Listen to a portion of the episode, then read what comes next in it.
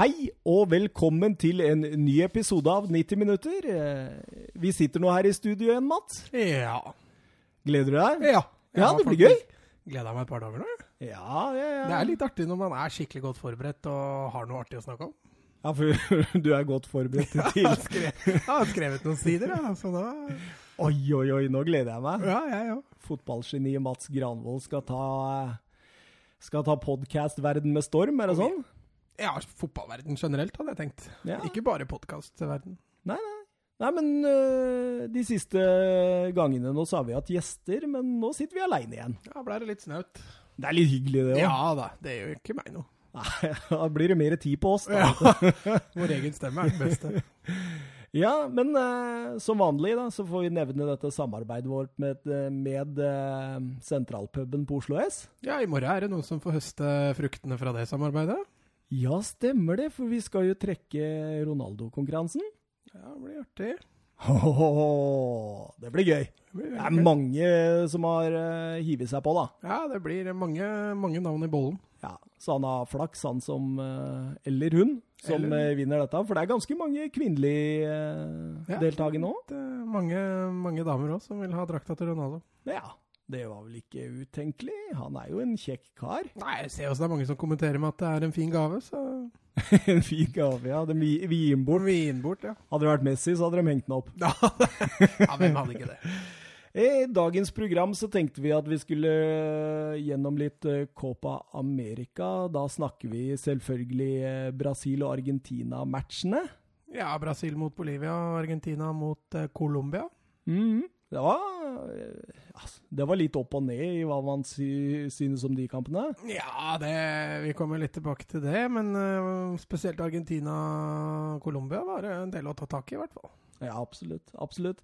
Uh, og så tenker jeg vi kjører videre med litt uh, Juventus, fordi Sarri har jo etter ett år i Chelsea eh, pakka sneipen og dratt hjem til Ja. Italia. Han fikk hjemlengsel, han. Ja, det, det, det. men det tror jeg, jeg Ja, vi kommer tilbake til det, men det tror jeg er en eh, perfekt match. Jeg har hørt litt ymse, men jeg er litt enig med deg. Jeg tror det der, der kan gå veldig, veldig bra. Ja, jeg har, eh, har noen notater på det òg, men uh, Juventus tror jeg har en bra stall for 4-3-3.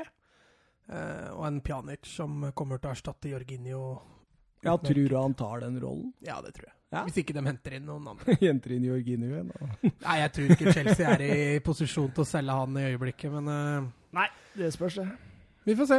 Ja, og så avslutter vi litt med ha, Det er jo U21-EM òg, vet du, Mats. Ja, det er eh, Det er jo egentlig krem de la krem i uh, U-landslagsfotballen, vil jeg påstå. Det er eh, Jeg vil tro det er kanskje det hardeste mesterskapet å vinne for U-landslag. Ja, og det er jo Jonathan Ta er med, og det er jo stjernespekka Luka Jovic er med. Og. Ja, det er uh, Jakob Brun Larsen, da. Ja, ja, ja, ja, du holder deg De, til det nordiske, ja. De, da, vi må jo heie på danske drengene. Ja.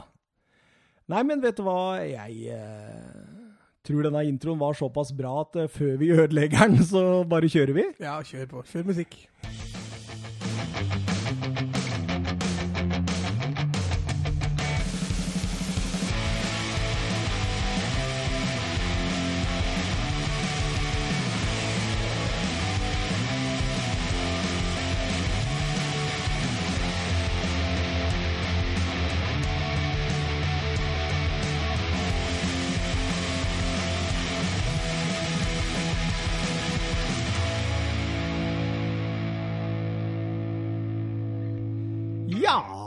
Da var vi klar da. Copa America. Artig. Ja, det, det, det, jeg har gleda meg litt til den der. Ja, for det- altså, gleder meg. Jeg har ikke gleda meg så lenge, men uh, det er ikke så ofte jeg har satt meg så mye inn i Copa America før. Og da, da blir det jo til at det blir litt artigere å følge med når du gjør litt forarbeid i forhold til uh, turneringa. Ja, som en liten Messi-fanboy så, så er det klart at man har jo fulgt litt med i Argentina, men eh, ja, det blir litt artigere å følge med når du, når du har gjort litt forarbeid. Jeg gleder meg til dine notater, jeg, Mats. Ja, det er jo ikke, det er ikke, noe, det er ikke noe fyrverkeri av noen notater, det kan jeg si. Det er mer stikkord og hva jeg skal huske på å si og sånne ting. Ja, som det nattdyret jeg er, så har jo jeg stort sett sett kampene på nattestid, og da har jeg jo vært sånn halvveis i søvne, mens du har fått sett dem på dagtid, du, så jeg forventer mer av deg i dag enn av meg, i hvert fall når det kommer til Copaen. Ja, altså jeg så Argentina så jeg live, men eh, jeg så den i reprise igjen i dag. Og så Bolivia-Brasil så jeg dagen etter. Jeg orka ikke å sitte oppe til halv fire og se den. Du har sett Argentina to ganger, ja? Det. Eh, ja, den, i dag så var det litt sånn sporadisk. Fram og tilbake fra kjøkken og lage mat og sånne ting. Men uh, jeg har fått sett deler av kampen to ganger, i hvert fall. Så du har funnet ut hvorfor det gikk så galt? Jeg har noen teorier, i hvert fall. Ja, nei, men det blir spennende. Eh, Copa America, altså dette er den 46. utgaven av Copa America. Og eh, deltakerlandene Japan og Qatar er med. Ja, de har, jo, altså, de har jo to ledige plasser hvert år for å fylle opp eh, disse gruppene. Så de inviterer jo, inviterer jo land utafor kontinentet sitt for å, for å, være med. Forrige gang var jo bl.a. USA med, og da var det jo også arrangert i USA. Så de flytter litt på det. Jeg syns de kunne holdt seg til Amerika, jeg, da. Ja, jeg er for så vidt enig med deg. Mexico og USA er mer enn god nok til å være med der. Ja, og så har du jo noen land i Mellom-Amerika der også som, uh, som, holder greit mål, så det er litt spesielt. Og så tenker jeg litt i forhold til hva skjer hvis uh, Japan eller Qatar skulle finne på å vinne dette. Det hadde jo vært Ja, men det er to uh, gode lag. Ja, absolutt. Kan overraske. Ja, absolutt. Så, Der var det finalen i Asiamesterskapet? Ja, stemmer det. Ja. Qatar er jo regjerende mester i Asia, så et lag kjøpt? Ikke... Nei, de har ikke, det? så mange kjøpespillere. De har, eh, jeg tror de har fire stykker, hvis ikke jeg telte helt feil. Ja, ok. Så det er, eh, det er mye arabere der også. Ja, Nei, men uh, artig. Jeg, jeg, har ikke giddet å satt meg inn i Qatar. Altså. Det, det, det, gjør jeg ikke før de eventuelt spiller en finale. altså. Ja, nei, men, uh, men, for oss som gadd å se den Paraguay-Qatar-kampen, de, de, var friske, altså. De, de, er ikke der for å levere penger til uh, mesterskapet, dem. Eller i hvert fall ikke kun levere penger nei. til mesterskapet. men det er Fordi, godt nok penger til mesterskapet? Ja, det kan godt hende. Jeg har ikke noen påstander eller noe bevis for det, men Jeg så til Paraguay leda 2-0. Ja, da, det kan du angre på. Du gikk ja. faktisk glipp av noe. Fordi eh, Miguel Almiron på eh, Paraguay er en spiller jeg liker veldig godt. Mm. Så jeg skulle kose meg litt med han, men det, det så ut som han Han koste seg ikke i det hele tatt? Nei, han, han, kom ikke inn i det. Nei, okay. Nei men eh, jeg syns Qatar var friske, spesielt offensivt. Ja, regjerende mester Chile, har vi noen forhåpninger til dem i år, da? Ja, altså Jeg har satt dem opp som en tredje utfordrer, hvis man kan si det på den måten. En outsider. Eh, det er mye gammelt som må holde i det. Eh, en Bravo i mål, eh, en Alexis Sanchez som knapt nok har spilt god fotball på et par år. Du har, du har Arturo Vidal, selvfølgelig, som er fortsatt en stjerne, men en, men en gammel en. Jeg blir overraska om de blander seg opp i toppen her, altså. Ja, kan, få, kan jo hende de avanserer fra gruppespillet, og så får vi se hva som skjer i en kvartfinale. Hvem de møter og sånne ting. Slik jeg ser det mesterskapet her, så er det én klar favoritt. Det er eh, Brasil. Og så har vi tre utfordrere. Argentina, Colombia og Uruguay. Det, jeg, hvis det vinneren er utenom de fire der, da skjønner jeg ingenting. Sykler du til Sandnes? Nei, jeg, jeg, skal ikke garantere en sykkeltur til Sandnes neste sommer. Nei, men da får du en denne sommeren, da. men uh, veit du hvem som har flest titler uh, i Copa America? Ja, nå sa du jo til meg før vi gikk på her, så da må ikke du avslutte. Nå kunne du skinne! Nå kunne du skinne! Jeg er en ærlig type. Det er ikke noe mye filming her. Ja. Nei, da, du får bare si det, du. Uruguay har 15 eh, titler og er eh, dermed mestvinnende. Vi har eh, Argentina på 14, og så er Brasil helt ned på 8. Ja, og så er det jo lenge siden Argentina har vunnet noe i Copa America. Må vel tilbake igjen til 93, var ikke det siste de vant?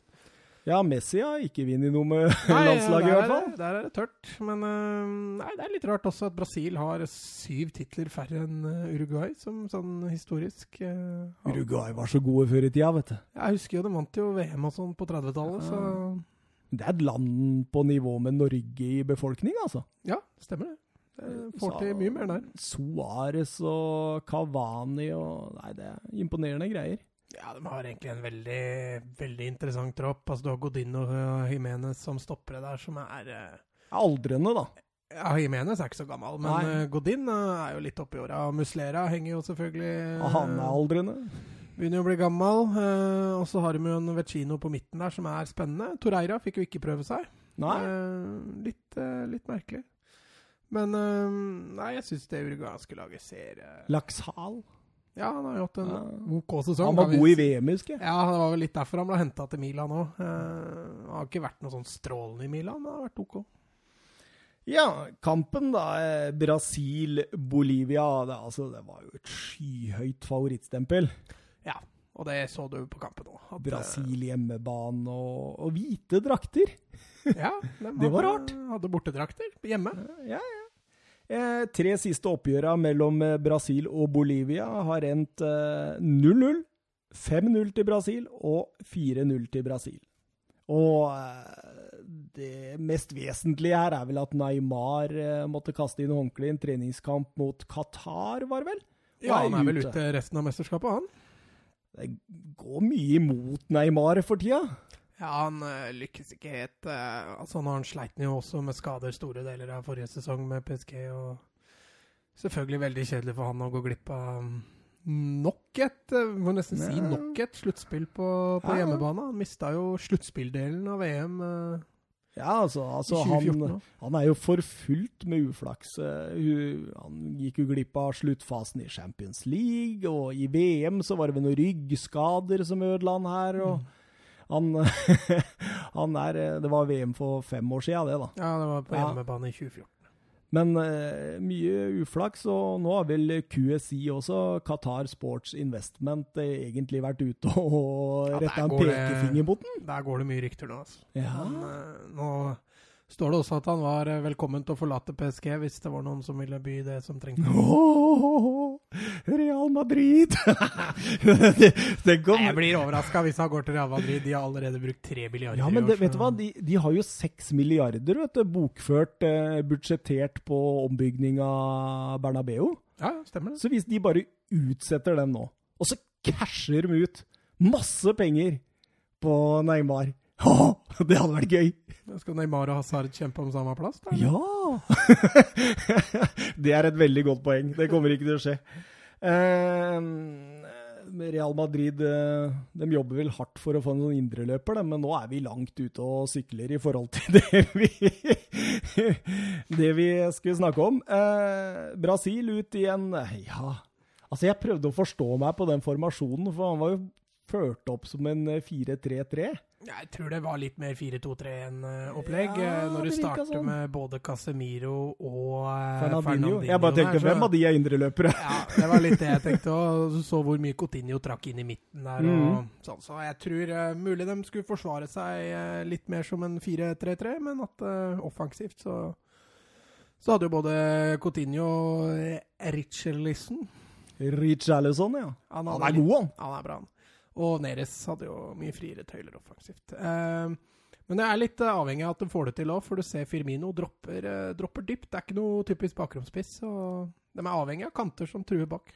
Jeg syns han eh, Jesus, Jesus, jeg syns han faktisk virker i mye bedre form enn Firmino nå. Ja, det er jeg for så vidt enig med deg i, men jeg forstår bruken av Firmino i Ja, en sånn kamp. Ja, ja, absolutt. Hvor Bolivia ligger dypt, og det er ikke så mye bakrom å jage. og Sånn sett så kan de absolutt forsvare bruken av Firmino i, i den kampen, i hvert fall. Ja.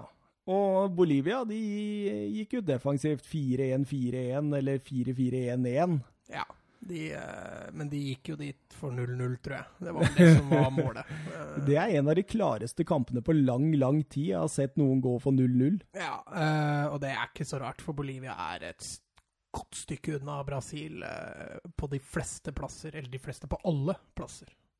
Jeg vokste opp med liksom med Bolivia i VM og litt sånt, jeg. Ja, det var jo VM i 94, var ikke det siste gang det var i Ja, VM? da var jeg 14, så Ja. ja. Da var jeg 9. Er, Jeg husker VM-finalen i 2019. du er en ung kalv, Det er det, Mats. det er det.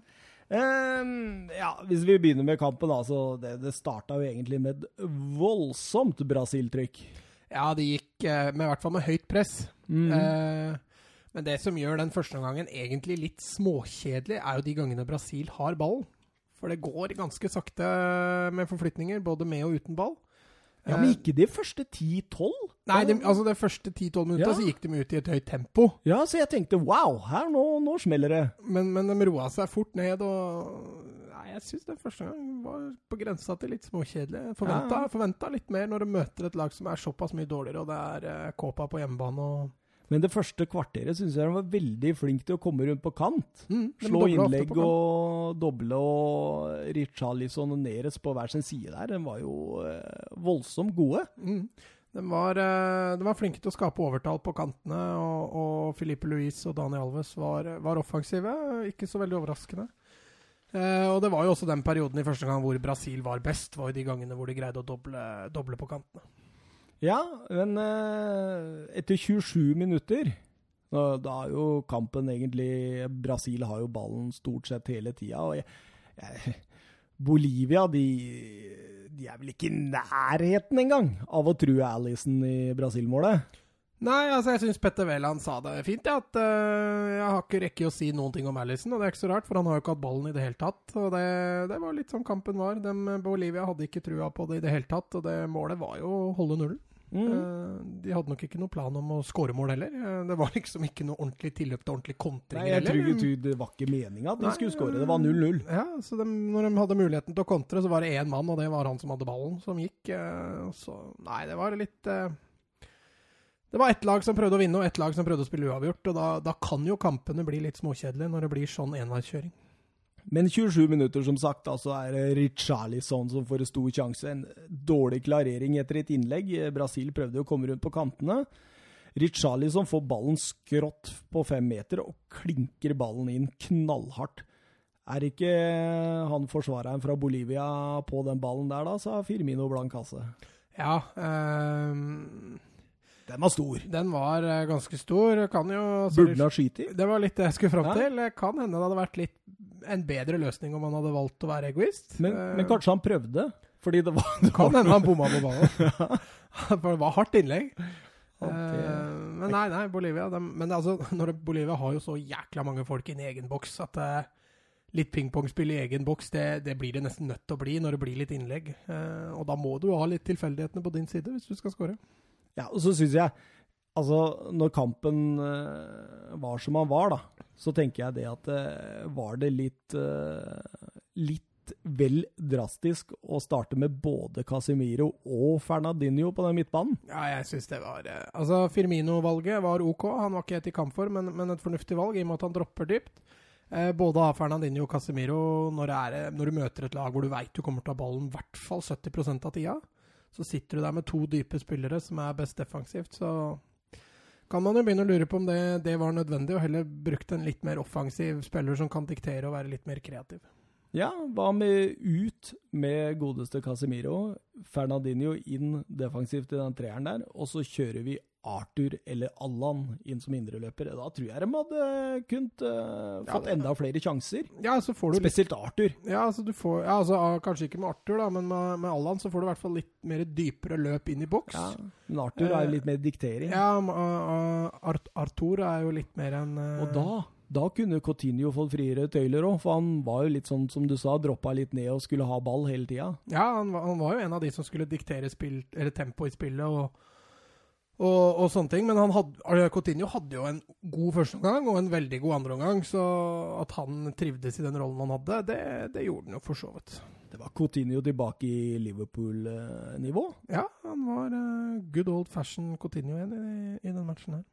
Men eh, utover i førsteomgangen der, så Det virker nesten som at eh, Brasil eh, møter litt veggen og tenker litt ah, skal vi klare oss å komme oss igjennom dette her?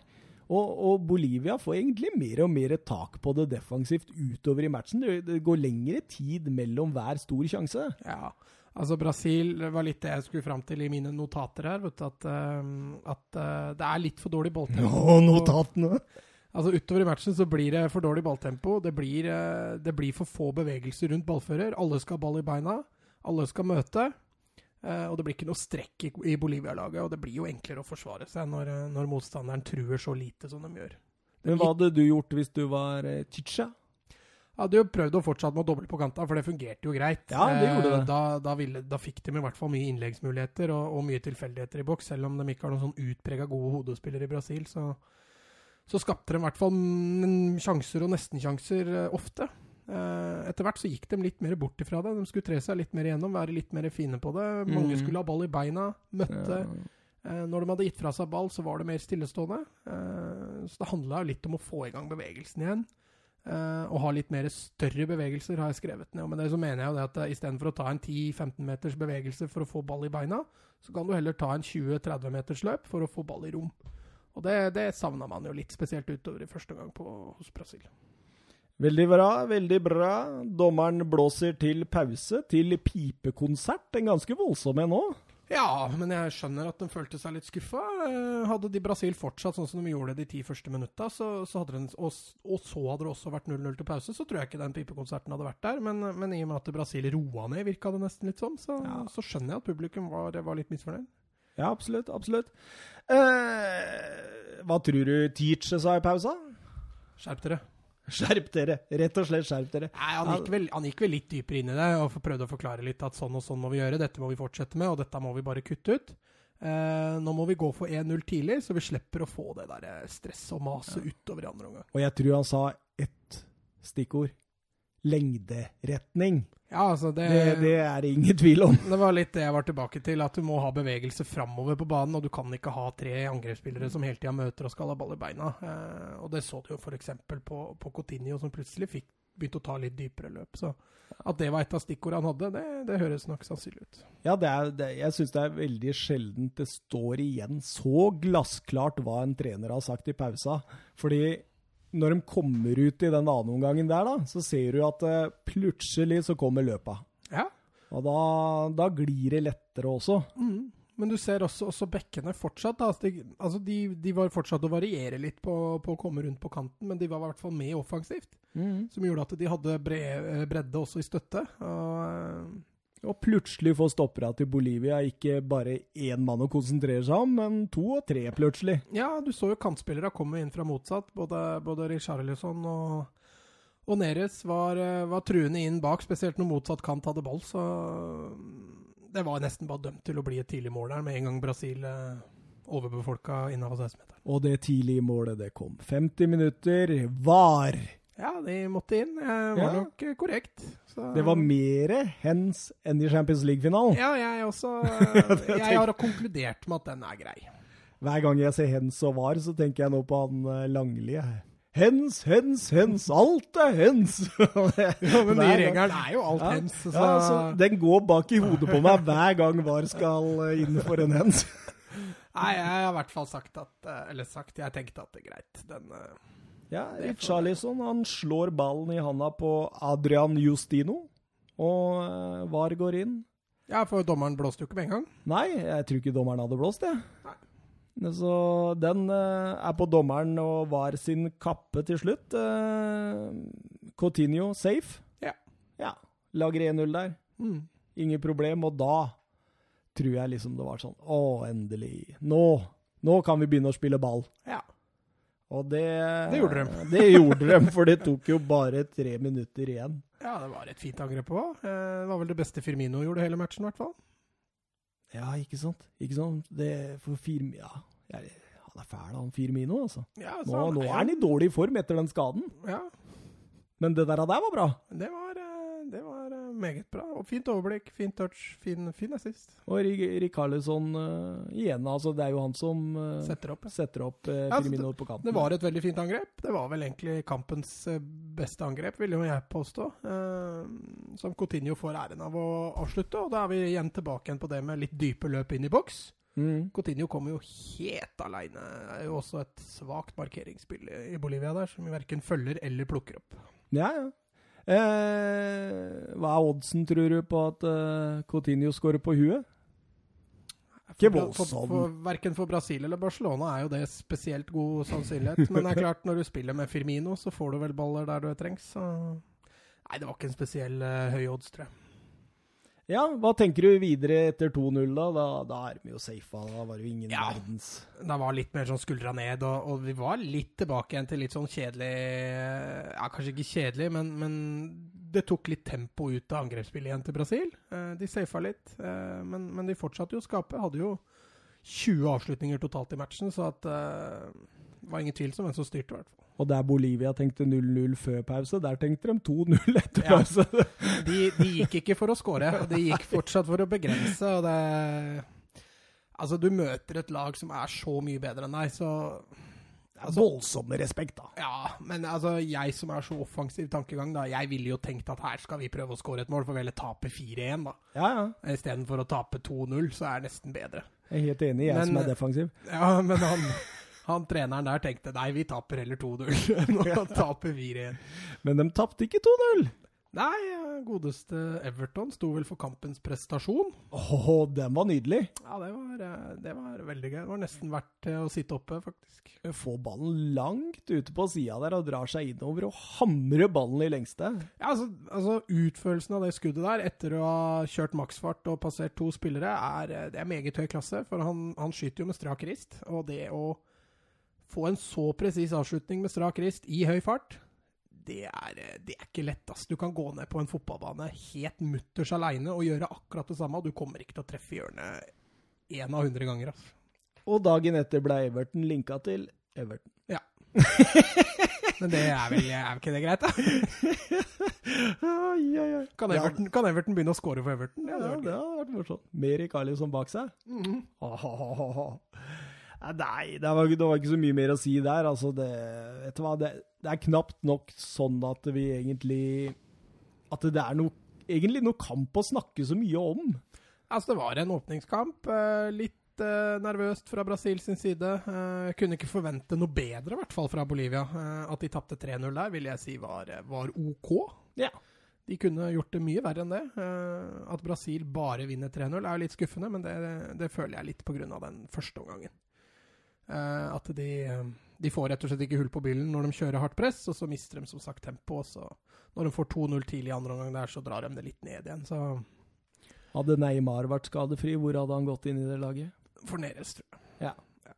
Det tror jeg, men Neres var jo ja. Ja, frisk. Altså, det Helt du får med Neres, er jo litt mer defensiv kapasitet. Mhm. Eh, Neymar er nok litt mer en luksusspiller, så Men i en kamp som Bolivia hadde du nok ikke merka om Neres ikke hadde vært der. Tror jeg. Tror vel jeg hadde fått mer innflytelse offensivt med Neymar. Og neste oppgave for Brasil er Venezuela. Ja, de har jo fått en forholdsvis enkel gruppe, Brasil. Ja. Jeg tror alle laga der har kalkulert med tap mot Brasil. Um, så nei, vi får se. Jeg tror Brasil er like, nesten like høye favoritter der som det det var mot Bolivia. Ja, det er jeg ganske enig med deg. Skal vi bare dra fantasypoengene våre, eller? Ja, det kan vi gjøre. Eh, skal du Vi er, begynne? vi er vel enige om trepoengeren? Jeg tror det. Der har jeg Coutinho, i hvert fall. Cotinge? Ja. Um, jeg, har, jeg var ikke engang innom tanken på å ta opp noen Bolivia-spillere på den. Uh, der, der, der var det elleve Brasil-spillere før første Bolivia-spiller, ja, faktisk. jeg skjønner, skjønner. Uh, så to poeng. Der sto det riktignok og vippa mellom tre spillere. Uh, jeg datt ned på Fernandinho, eh, Mhm. rett og slett pga. tryggheten de har der. Ja.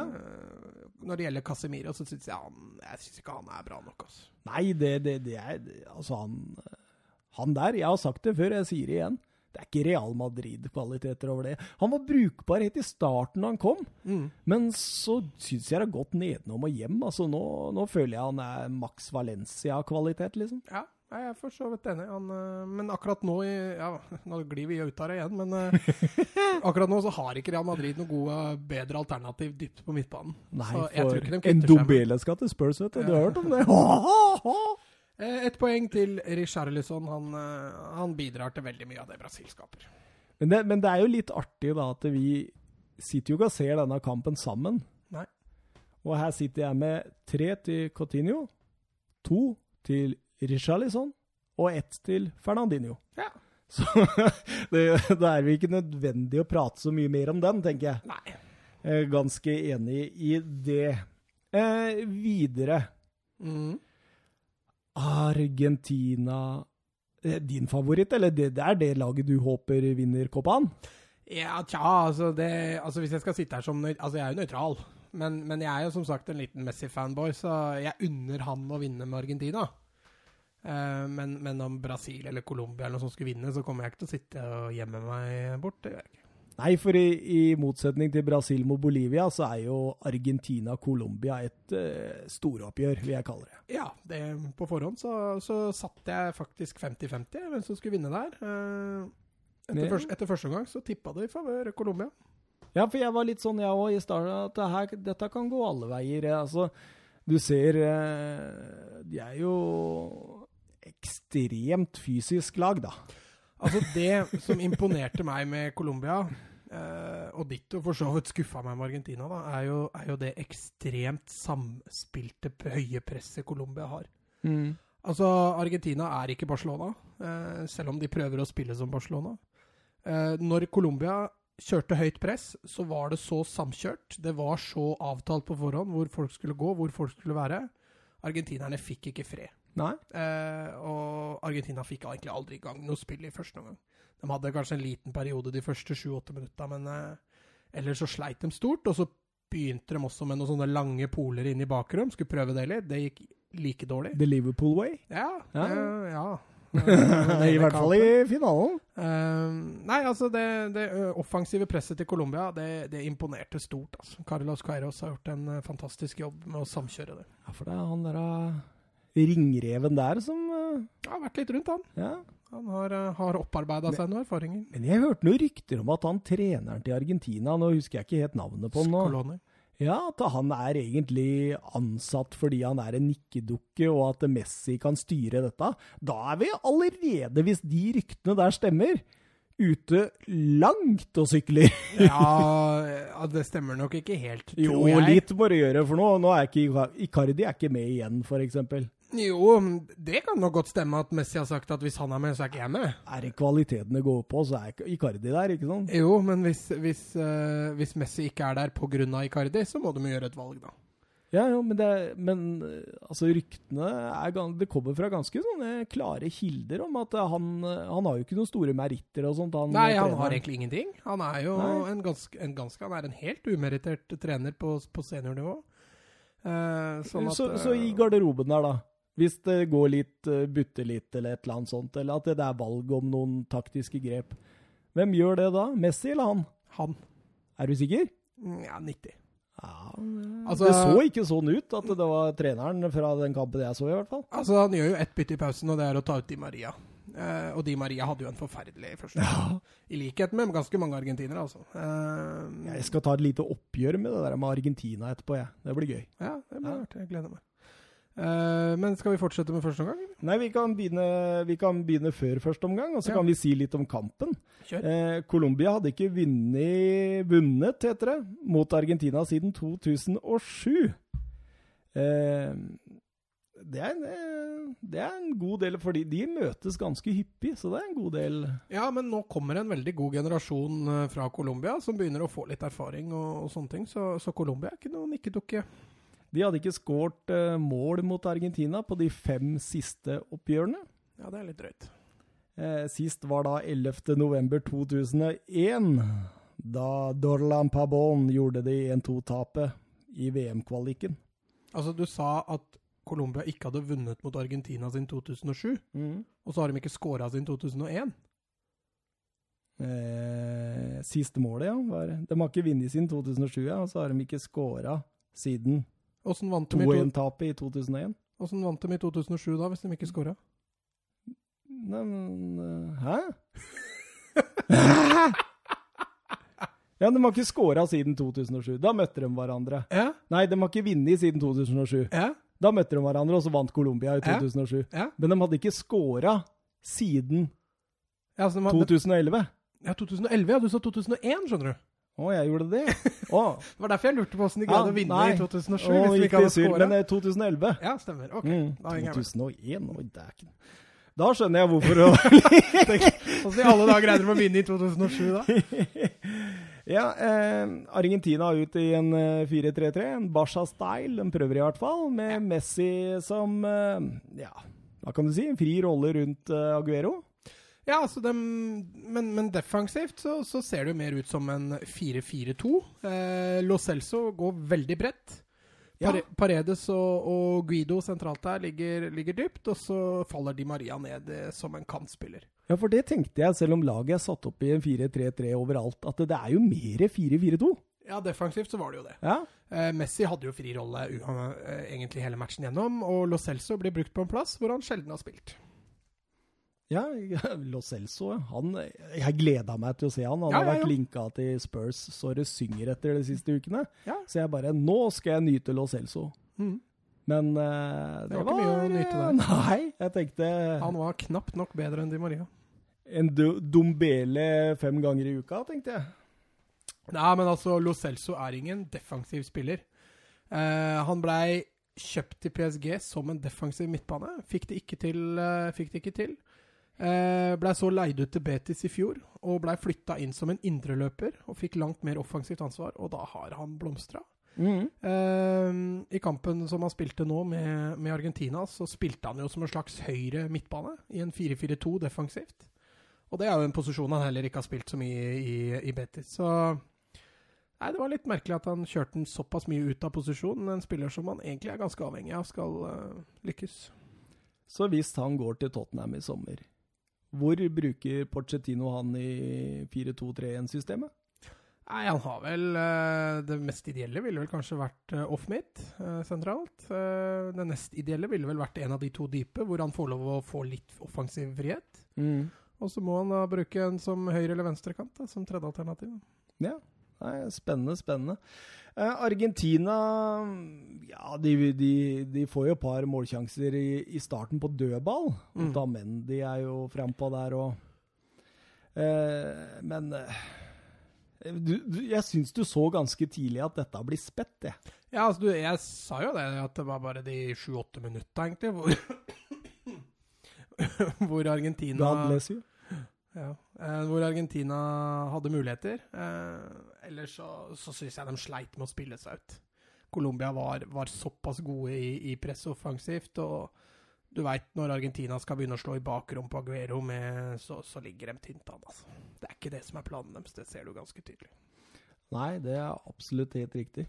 Eh, men eh, jeg syns dette Colombia-laget Det er bygd opp, som du sier, på en veldig fin måte. De, de, de står bra sammen, og de har en sånn ja, Til og med virka som de hadde en defensiv trygghet der med Jeremina og Davidson Sanchez. Ja, altså, altså jeg syns dette argentinske utgaven her ser Nei, argentinske, den colombianske utgaven her ser eh, meget kapabel ut. Eh, der jeg hadde dem som tredje Nei, egentlig andre outsider, hvis jeg kan kalle det det. Så har de nå egentlig flytta seg opp og blitt en av favorittene som er nærmest Brasil, hvis vi kan Ja. si det på den måten.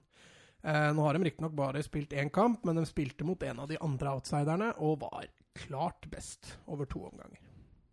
Ja, etter eh, 29 minutter der, eh, et horribelt forsvarsspill forsvarsspill. Autamendi surrer noe voldsomt til, og Hames eh, får en sjanse.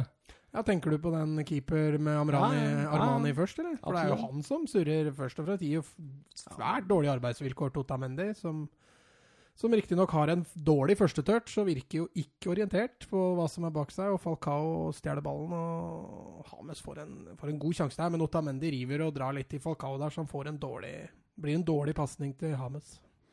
Han Hames han uh, syns jeg steppa opp. Ja, han var frisk. Absolutt. Han, Eh, han er god når han får den der litt sånn frie rollen bak spissen. Ja, og så ser du de vendingene han har av spill. Altså, han har noen 40-50 meters pasninger der som lander eh, rett på Lissas. Det er, eh, det er nydelig fotball å se på.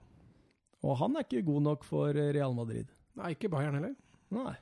Så da må han vel ned et tak, da. Eh, Det er litt sånn som Coutinho. Da. Han, Ja. han på landslaget. Der, der, får han lov, der får lov til å spille som han vil. Også. Hører seriøse rykter om at han skulle under vingene på Angelotti nå. Ja, jeg har hørt det før. Jeg har vel allerede meldt det i podkasten her, faktisk. Ja.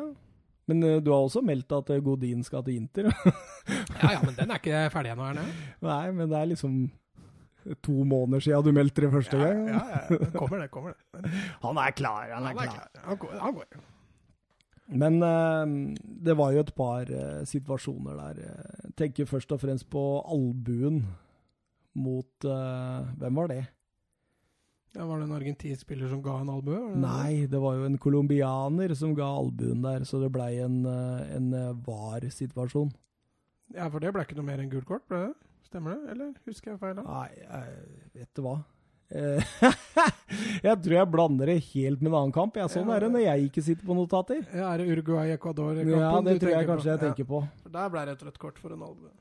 Eh, nei, altså, men det vi kan si om første gangen der òg, var at det var mye heftige taklinger. Eh, Messi fikk litt juling. Ja, spesielt utover i andre omgang, så Ja. fikk han kjørt seg litt. Eh, men men eh, eh, Colombia ga veldig mye juling, og det jeg synes, altså Så lenge det ikke blir ufint og, og ting ikke eskalerer, så syns jeg det er helt greit. Eh, Cuadrado fikk jo mye juling. Han, Mm. eh, han var argentinerne nesten litt ute etter, så ut som. For han, han fikk virkelig kjørt seg. Så at han Du så utover i andre omgang der òg, hvordan han blei irritert og forbanna og begynte ja. å ta igjen. Eh, jeg tror Kveiros gjorde et meget godt bytte når han tok ut uh, Cuadrado. Det var ikke fordi han hadde spilt dårlig. For jeg syns Cuadrado hadde en god match. Ja. Eh, men han ble tatt ut rett og slett fordi at her er det kort vei til det røde kortet. Det kokte i kålen, rett og slett. Ja. Men uh, jeg syns jo Colombia styrer stort sett hele andre del av første omgang, ja. Ja, altså, jeg, altså Etter de ti første minuttene hvor Ja, ja. Argentina får, så syns jeg Colombia har veldig god kontroll. Eh, du ser det ene frisparket som Messi tar tidlig der gjennom til Aguero, er vel nesten det nærmeste de kommer. Eh, keeper Spina bommer på ballen på vei ut der, og litt mer tur der for Aguero, så hadde han jo fått den ballen rett i beina. Så ser du han der av Vilmar Barrios. Han, han er ikke langt unna Messi, altså. Nei, men han, altså Hadde du hatt skritteller på han, fy flate, det hadde blitt mye skritt. altså. Han legger ned en vanvittig innsats, gjør at Uribe også kan få litt friere tøyler offensivt. Nettopp fordi han har periodevis, i hvert fall messig, gått ned i lomma si. Altså. Han var god under VM, han der Mm. godeste Barrios. Hvor er han spiller? Er det i Russland? Du får sjekke, da. Du sitter jo med telefonen. Jeg husker ikke. Det. Tror det er Zenit uh, St. Petersburg. Jeg skal sjekke litt der, for det, det, det kan jo faktisk være en Ja, altså, han var jo god i forrige mesterskap òg, for Colombia. Ja. Altså, han, han, han har et godt grunnlag, han, for å Zenit St. Petersburg, ja. 25 år gammel. Eh, kom fra Boca Juniors, så dette, dette kan jo være en spiller som større klubber kan plukke opp eh, i Europa, tenker jeg. Ja, altså, Colombia har eh, De har et eh, veldig bra lag, egentlig, generelt sett. Også på midtbanen, med, med Barrios og, og Uribe. Og de har også gode alternativer på benken. Din favorittspiller Jefferson Lerma, blant annet, kan jo komme inn og du, du så han var drittsekk når han kom inn òg. Ja, ja, han var klønete. Men uh, altså, han er jo sikkert en spiller som passer veldig bra for Colombia. Som kan gå inn der og være et rasshøl, rett og slett. Ja. Og, og, og frustrere er- Han er motspillere. ufyselig, altså. Men det er jo oppgaven hans òg, da. Du hørte. Roar Stokke sa det nå. Det er sjelden du ser Jefferson Lerma uten et kort, og det stemte igjen. Roar Stokke som var uh, gjest hos oss i episode 9. Ja, stemmer. Men uh, jo, uh, men Zapata på benken Ja, han spiller jo med én spiss, og da rangerte han jo så enkelt som at Falcao var foran. ja, Det er litt rart, syns jeg, for Falcao gjør ikke noe strålende kamp. Nei, Offensivt så syns jeg han sliter. Han har det ene medtaket på brystet der som er pur, pur klasse. Eller så er han jo en fantastisk førsteforsvarer. Og når du veit åssen Zapata herja i Serie A i år, da, så Ja, men jeg, tror, jeg mener og tror at Falcao var et trygt og godt valg i en åpningskamp, og så kan det hende Zapata kommer til å få starte noen kamper utover i mesterskapet. Ja, nå, men, eh, ja, vi, vi blåser inn til pause her nå, og så ser vi at uh, Colombia er bedre. Det er bedre sammensatt. De står bedre defensivt. Det er be, mer, bedre rom mellom leddene. Og de går oftere på riktige løp da, og spiller hverandre gode. Mens jeg syns Argentina de, eh, de, de, de virker så planløst. Og det virker nesten som ja, Gi den til Messi og håper han finner på noe. Ja, altså Argentina har igjen prøvd å finne en måte på å gjøre Messi god. Eh, for at Messi skal lykkes, så har de, så har de prøvd å kokkelere sammen noen nye, nye moves for å få til det. Og, og det ser jo ikke så mye annerledes ut enn det de gjorde i, eh, i VM for et år siden. Uh, Argentina sliter fortsatt med mye av det samme. Dårlig balanse i laget. For dårlige fotballspillere bak. uh, og en angrepsrekke som rett og slett ikke innfrir, rett og slett. Ja, For den angrepsrekka er jo utgangspunktet lekker. Ja, aldrende, men lekker. Det, det er vel kanskje det rette ordet. Higuain burde vært der, vet du.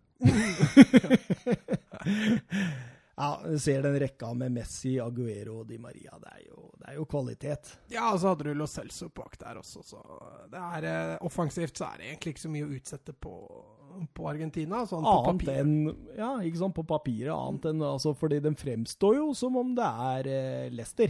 Ja. Altså, det er jo Eh, altså, Argentina sliter jo med å finne denne spillestilen sin igjen. Eh, vi skal få Messi til å lykkes. Det virker nesten litt som det er sånn. Altså, Mm. Den flyr og ser etter Messi ofte. Messi beveger seg jo ikke veldig mye når han har lite rom. Eh, og- så er det ser jo ikke ut som det er noe plan B. Eh, de triller ball bak der, enten til de mister den, eller til de må slå i bakrommet på en Mm. Aguero som verken løper fra Jeremina eller eh, Davinson Sanchez. Og Nei, da er det jo håpløst. Og det var to gode stopper i den kampen der, altså. Ja, absolutt. Også, også venstrebekken til Colombia syns jeg var en meget god kamp. Ja, absolutt. Um, så, så begynner jo 60 minutter ish. Det er jo der eh, Codrado eh, banker ned Messi og får full fyr i teltet. Ja, altså fram til 60. Det er vel den beste perioden Argentina har. Fra ca. 50 minutter til Ja. 60-65 minutter. Ja, så synes jeg, de, da, da, da, da virka det som Oi, nå kanskje Argentina begynner litt. Eh, Messi fikk mer ball. Messi fikk vente opp litt oftere. Eh, og Cuadrado gjør vel kanskje noe smart når han rett og slett sparker ned Messi for å Ja, få Tror du det var planlagt fra Querios? eller? Ja, altså Jeg At tror ikke det var planlagt at det var Cuadrado som skulle ta Messi, men eh, for. Cuadrado var jo Men at de liksom Nå bruker vi fysikken vår, gutta, for vi er dem overlegne. mm. Og så setter vi dem skikkelig Nå begynner de å ta litt over. Nå må vi bare sette oss i respekt og få dem litt mentalt ute av kontroll. Jo, men det tror jeg var planen allerede fra Ja, første fordi du, du ser etter sparket til Cuadrado på Messi, Mm. så skifter kampen helt karakter igjen. Jo, men der også ligger det jo litt eh, altså på, Det ligger jo som du sier mentalt der òg, men der tror jeg også det ligger litt i at Colombia fikk tempo i matchen helt ned igjen. Argentina fikk plutselig litt andre ting å konsentrere seg om. Det gikk jo nesten fire minutter fra Messi ble felt, til ballen var i spill igjen. Da drar du tempo helt ut av kampen, og, og det var jo kun Colombia som tjente på når det skjedde. Ja, ikke sant? Eh, Så én ting er at du går hardt i kropp for å få, få litt respekt, men en annen ting er at du, du ødelegger tempoet i kampen. Ja, og Keros han eh, bytter ut eh, etter hvert eh, Codrado pga. sikkert hans eh, lille mentale klikk, og Muriel, og så setter han innpå Zapata og Roger Martinez. Ja, men Roger Martinez kom jo tidlig inn. Ja. Uh, Luis Muriel ble jo skada allerede etter. Ja, stemmer det, stemmer det! Ja, ja, han, ja, stemmer jo det. Så da kom Martinez inn, og han var jo egentlig frisk. Eh, Det var jo en ordentlig kaloribombe som kom inn der. Og han Et løper- av å se kampene på natta. Men han kom jo inn der og gir eh, ordentlig jernet. Eh, Han kjenner du fra La Liga, eller? Ja, lite grann. Ja. Ikke, ikke, han, det, han var ikke veldig god, etter hva jeg forsto, i La Liga når han var der for Via Real. Nei, han, han ble sendt tilbake igjen eh, til eh, til Colombia, alt jeg på si. Han ble jo ikke sendt tilbake til Colombia. Nå husker jeg ikke hvor han dro inn. Men uh, han kom i hvert fall inn. Jo, Amerika var det. Han kom i hvert fall inn, og så Jeg syns han bidro bra. Uh, Mm. Han var en av de som uh, Colombia kunne lene seg litt på, Og veldig god i det offensive preset. først og fremst. Ja. Er, du ser litt hvordan Querios har tatt ut denne troppen nå. Det er mye fysikk.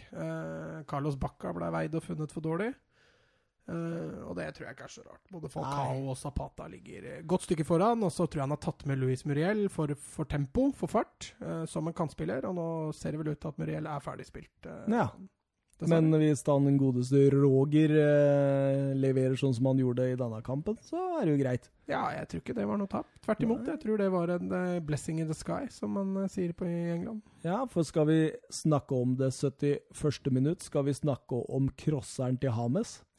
Det var litt det jeg var tilbake på i stad. Altså, det var en 40-50 meters crosser som uh, lander akkurat innafor den bitte lille sirkelen som han sikta på. Ja. Og akkurat sånn helt perfekt at han kan gå At uh, Martinez kan gå igjen på utsida av bekk Mm. og dra med seg ballen inn der. Og hamrer ballen! Ja, da er vi litt tilbake igjen til den avslutningsteknikken som vi snakka om med, med Everton. Og, Ja. Nei, det der er ikke en lett sak. Komme inn der i så stor fart, og så skyte med, med strak eller haltliggende rist, det, er, det, er, det krever trening. Altså. Det krever masse trening, og eh, fantastisk utført. Og det var ekstremt fortjent. Eh, hvis det var et lag som fortjente å lede, så, så syns jeg det var Colombia. Ja, jeg, jeg blei helt bergtatt. Jeg tenkte at dette Argentina-laget Nei, eh, det, det, er, altså, er altså- svakt. Du kan jo sitte og se litt på statistikken etter matchen. Altså, altså Argentina hadde ballen knapt nok litt mer enn Colombia, og de hadde også flere avslutninger enn en Colombia. Men Colombia var mer effektive, de var mer aggressive. Argentina virka planløse, eh, mens Colombia hadde en klar og tydelig strategi på hvordan de skulle ta Argentina. Vet du hva, nå ryker Argentina på poeng mot Paraguay og så er det rett ut. Og Messi til beachen i Bitsa eller noe sånt noe. Ja, det kan fort skje. Altså, både Qatar og Paraguay blir ikke noe Det blir ikke noe walkover. Men det tror jeg verken blir for Colombia Det blir ikke for Colombia heller, men de virka mye mer solide. Ja. 2-0 da, Mats. 2-0. Zapata hadde jo kommet inn, som jeg var inne på. Ja, her var eh, kanskje kampens angrep, eller at det var kampens angrep. Herlig overlapp på, på venstresida der av, av Tessio, som, eh, som hadde en meget god match. Og, og Zapata har jo veldig lange bein. Ja, og han er jo så klinisk der. Ja, altså du ser Altså, Er mann med selvtillit. altså i det innlegget går der, så tenker man at den blir akkurat litt for lang. Ja, Og så tar han to lange steg og slenger fram det lange beinet sitt, og vips, så er den opp i nettaket. Og måke trøya over eh, hodet og tar Ja. imot hyllesten. Ett gult kort til, og så er han suspendert. Så det er kjempe, kjempestrategisk lurt å feire på den måten. Jeg kan tenke meg han fikk litt eh, kjeft av Carlos Queros etter den der, der for det, det er jo så dumt så tidlig i mesterskapet. da. Ja, veldig klønete. Nå veit jeg ikke, kan jeg ikke regla helt i spissen der, men om du nuller ut et eventuelt gult kort hvis du er ferdig med gruppespillet, eller om du tar med deg det gule kortet inn i sluttspillet, så er det jo enda mer klønete å gjøre. Men jeg tenkte på jeg, Alle snakker Argentina, Argentina, det er så fantastisk, Messi og Aguero og sånt, men når man sitter og ser på det laget, så er det sånn Armani, keeper, hvis vi begynner der, da. Mm. 32 år gammel keeper på River Plate, som aldri på en måte har vært noe stor, stor keeper. Nei. Eh, og det, det er jo en kjensgjerning det at de beste lagene har gode keepere. Ja, du er jo avhengig av Du har en matchvinner, men det Ja. der er ikke noe matchvinner, det ser du. Nei. Stoppere, Passerella og Otamendi. Altså, for så vidt helt greie stoppere, men det mangler jo en del fart. Tempo er et uh, svakhet. Eh, bekkene ja, Tagliafico er jo bra, men han uh, Saravia syns jeg var ekstremt dårlig, faktisk.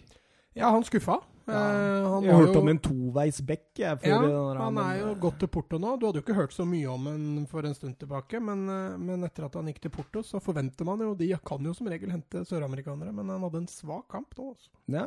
Og så har du videre, da, så har du Paredes, han som er egentlig et Han er ikke et punktum engang, han er et komma i Paris Saint-Germain. Eh, Du har Guido Rodriguez, som spiller i Amerika. ja. Eh, Lo Celso-grei, Messi-grei eh, Messi-grei, den er fin.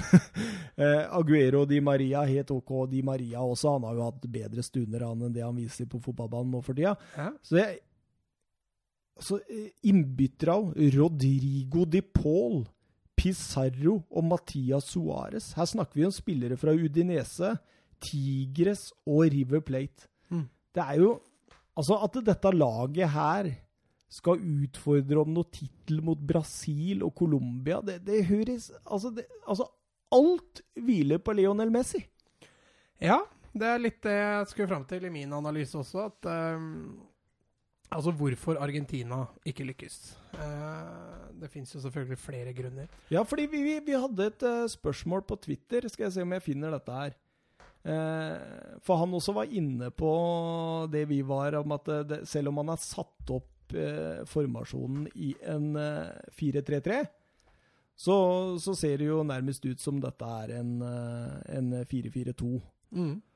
Eh, skal vi se om vi finner den? Det var litt fint spørsmål, så kan du svare litt. Det var eh, Sigbjørn Flatnes Bø. Det er den gode lytteren vår. Ja, Han er, han er fin, han. Eh, hvorfor fungerte det ikke for Argentina? Det har vel jeg egentlig sagt nå, at eh, laget er ikke godt nok.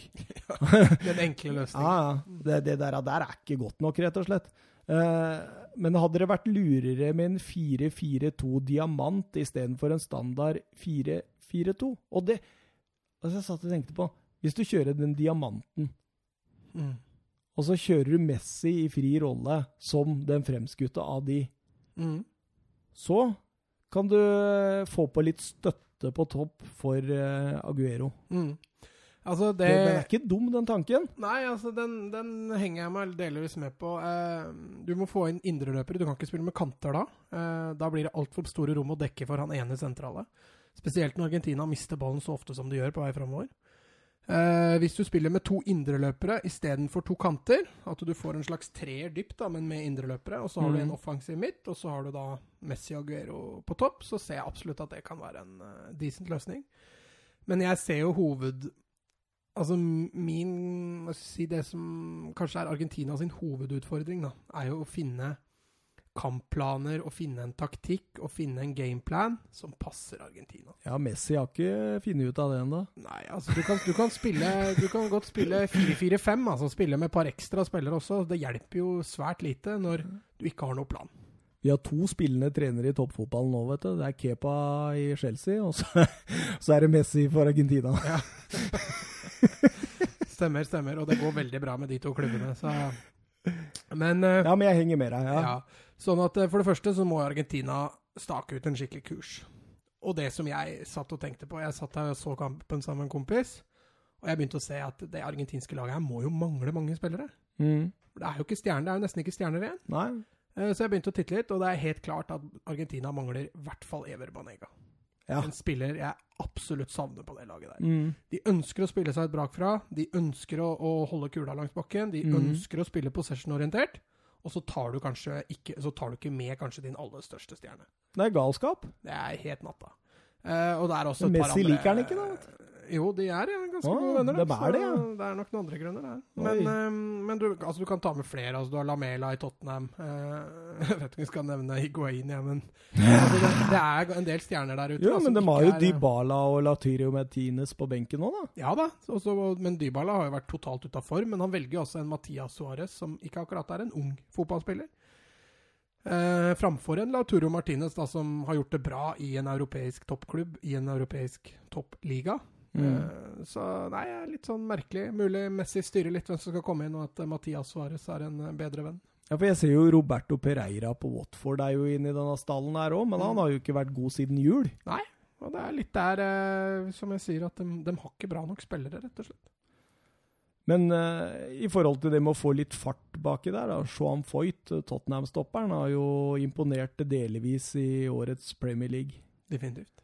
Uh, han har jo både pasningsstyrke og hurtighet som to forser. Kanskje han burde begynne å bygge opp via han, og sette han og så få Otamendi ta duellene? Ja, men altså Så kan han spille ut bakfra, for der er han jo faktisk ekstremt god. Defensivt så var Otamendi svært viktig for Argentina. Ja. Han, eh, selv om han surrer litt. Ja, han surrer litt, men det kommer Foyt til å gjøre òg. Ja. Eh, sånn at eh, når, hvis du skal spille da den måten Argentina gjør, så må du jo ha spillerne til å gjøre det. Mm. Eh, Det nytter ikke med han der Guido sentralt, som Nei. vi knapt hadde hørt om før dette Nei, det mesterskapet. var helt Altså, han er helt naken. Spiller han neste kamp, da skjønner jeg ingenting. Altså. Nei, Og så bytter de inn en Guido Pizarro. Han er jo like, like naken. Eh, de tar ut eh, Di Maria der og setter inn på Hvem har de satt inn på venstrekanten her igjen? Var det Rodrigo de Paul? Ja, stemmer det. Og Mm. han, altså, det var litt trussel fra hans side, men det var fordi Argentina greide å flytte spillet sitt høyere i banen. Men Ja, for også- han har vært ganske bra for Udinese i år. Jo da, han har, var ikke noe, jeg har ikke noe imot han på den måten, men han, eh, Ni, han er ikke noe avgjørende på noen Nei, måte. Ni mål på 36 kamper for Udinese. Det er ikke så dårlig statistikk, det, for en offensiv. Nei, altså Udinese havna jo nesten på nedrykk òg, så Mm. det, det var ikke så gæren prestasjon, det. Men eh, så, da- det vi sier altså da, at Argentina mangler mye. Og du kan spille akkurat den formasjonen du gidder, tror jeg. Eh, Du må gjøre om planen din. Du Mm. må begynne der. Eh, skal du spille skal, Er kampplanen din at Messi skal være dritbra, og du legger opp til det, så må du jo finne spillere og formasjon og sånn deretter. Eh, hvis kampplanen din er å spille generelt god fotball, så må du jo ha gode fotballspillere til det. Eh, og akkurat nå prøver Argentina å spille som Barcelona og ha ferdighetene til Stoke. Ja. Helt riktig. Den var fin. Så de er nødt til å Nei, de er nødt til å gå litt i seg sjøl, altså. Hva er det vi vil, liksom? Eh, Ryan Shawcross og Glenn Whelan og sånn. Ja, altså skal du Skal du bygge laget opp Messi, rundt Messi, så tar du ikke med Ryan Shawcross og Glenn Whelan, liksom. Du, du gjør jo ikke det. Eh, og Messi er en fantastisk god fotballspiller, men eh, Men veit du hvorfor Banega ikke er med i troppen? Nei, jeg, i det jeg sa det, så tenkte jeg fader, jeg har glemt å sjekke hvorfor han ikke er med. Jeg Ah. kan jo hende han er skada. Må være litt forsiktig. Men eh, jeg veit jo at han ble jo suspendert. Han fikk jo fire kamper for den horrible taklinga vi snakka om eh, på Ja, tidligere episoder. Ja. Og han er jo veldig Han har jo veldig hjemlengsel, har lyst til å flytte hjem. Mm.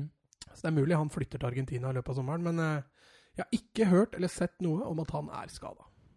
Så da må det være Hvis han ikke er med fordi han Hvis det er andre grunner enn at han er god nok, så, så må det jo være Har ikke jeg hørt at han er skada, i hvert fall. Da får vi rett og slett eh, sjekke ut det etter sending, og så får vi ta et lite forbehold der. Skal vi gjøre det? Mm. Fantasy-poeng her inne? Ja, eh, vi får se om vi er like flinke der, da. Jeg har eh, Barrios på tre poeng. Eh, utvilsomt kampens største spiller. Nydelig. Eh, jeg har eh, Martinez med to stjerner. Jeg sto mellom han og Hames. Eh, grunnen til at jeg valgte Martinez, er fordi han scora målet. Som, hadde ikke han skåret der, så tror jeg ikke Colombia hadde vunnet. Nei? Jeg tror det hadde blitt 0-0. Mm. Eh, så han var helt avgjørende. Og da blir det naturlig å ha med Hames på, på ett poeng. Eh, artig å se Hames igjen på å briljere. Eh, de crosser av, og, og den skal vi si, Han legger jo også ned en del meter, så nei, han var, eh, han var veldig livlig. Eh, jeg vurderte Messi, jeg vurderte Otamendi, eh, og jeg vurderte også Cuadrado. Åssen kunne du vurdere Messi etter denne? Ja, altså Det lille Argentina skaper, er det jo Messi Det er, som står bak. det er av at du er fanboy. Ja, men Ja. jeg tok meg sjøl og tenkte nei, de taper 2-0. Eh, Argentina har skapt svært lite. Ja. Vi skyver Messi ut. Han var i lomma på Mina og Sanchez der. Ja, Det var sjelden han var så høyt oppe i banen, da. Ja, ja. ja det, han, blir, jo ikke satt opp i gode posisjoner. Eh, mine tre poeng går til James Rodriguez, fordi det var vakkert å se den eh, gutten spille god fotball igjen. Det, det, var, det var rett og slett eh, som da man liksom blei obs for første gang i Var det VM i 2014, var det det? 2010. 2010? 2010 Nei, 2014. Ja, 2014. Stemmer. stemmer. Ja. Sør-Afrika var i 2010. Ja. Nei, 2014. Eh, to poeng, eh, Barrios. Så der er din trepoenger, så der er vi ganske enige. Og så har jeg Davidsson Chancellors på ett poeng. Ja, Det er fordi han spiller på Tottenham. Eh, nei. Det er fordi han var eh, Colombias beste defensive spiller, og at eh, Argentina med det arsenalet der ikke produserer mer enn de gjør. Og det er eh, det, du, du, Jeg kunne like godt gitt den til Jerry Mina, men da tar jeg Sanchez fordi han spiller for Tottenham. Men nei, altså Nei, del, Sanchez var bedre enn Jerry Mina. det, det, det defensive i Colombia har jo ikke så veldig mye å gjøre. Eh, Argentina greier jo ikke å spille seg fram dit. De gangene Altså, du hadde det kvarter 20 minutter i andre omgang hvor Argentina pressa litt. Eh, ellers så syns jeg førstepresset til Colombia ødelegger så mye for Argentina at eh, Det var gode arbeidsforhold. jeg tror Davidson Sanchez og Jeremina følte at i dag eh, var en lett dag på jobb, rett og slett. Ja. Da var vi ferdig med den uh, første delen. Ja. Syns du det gikk bra, Mats? Jeg begynte å svette litt, så jeg er tydelig fortsatt litt irritert over det Argentina driver med.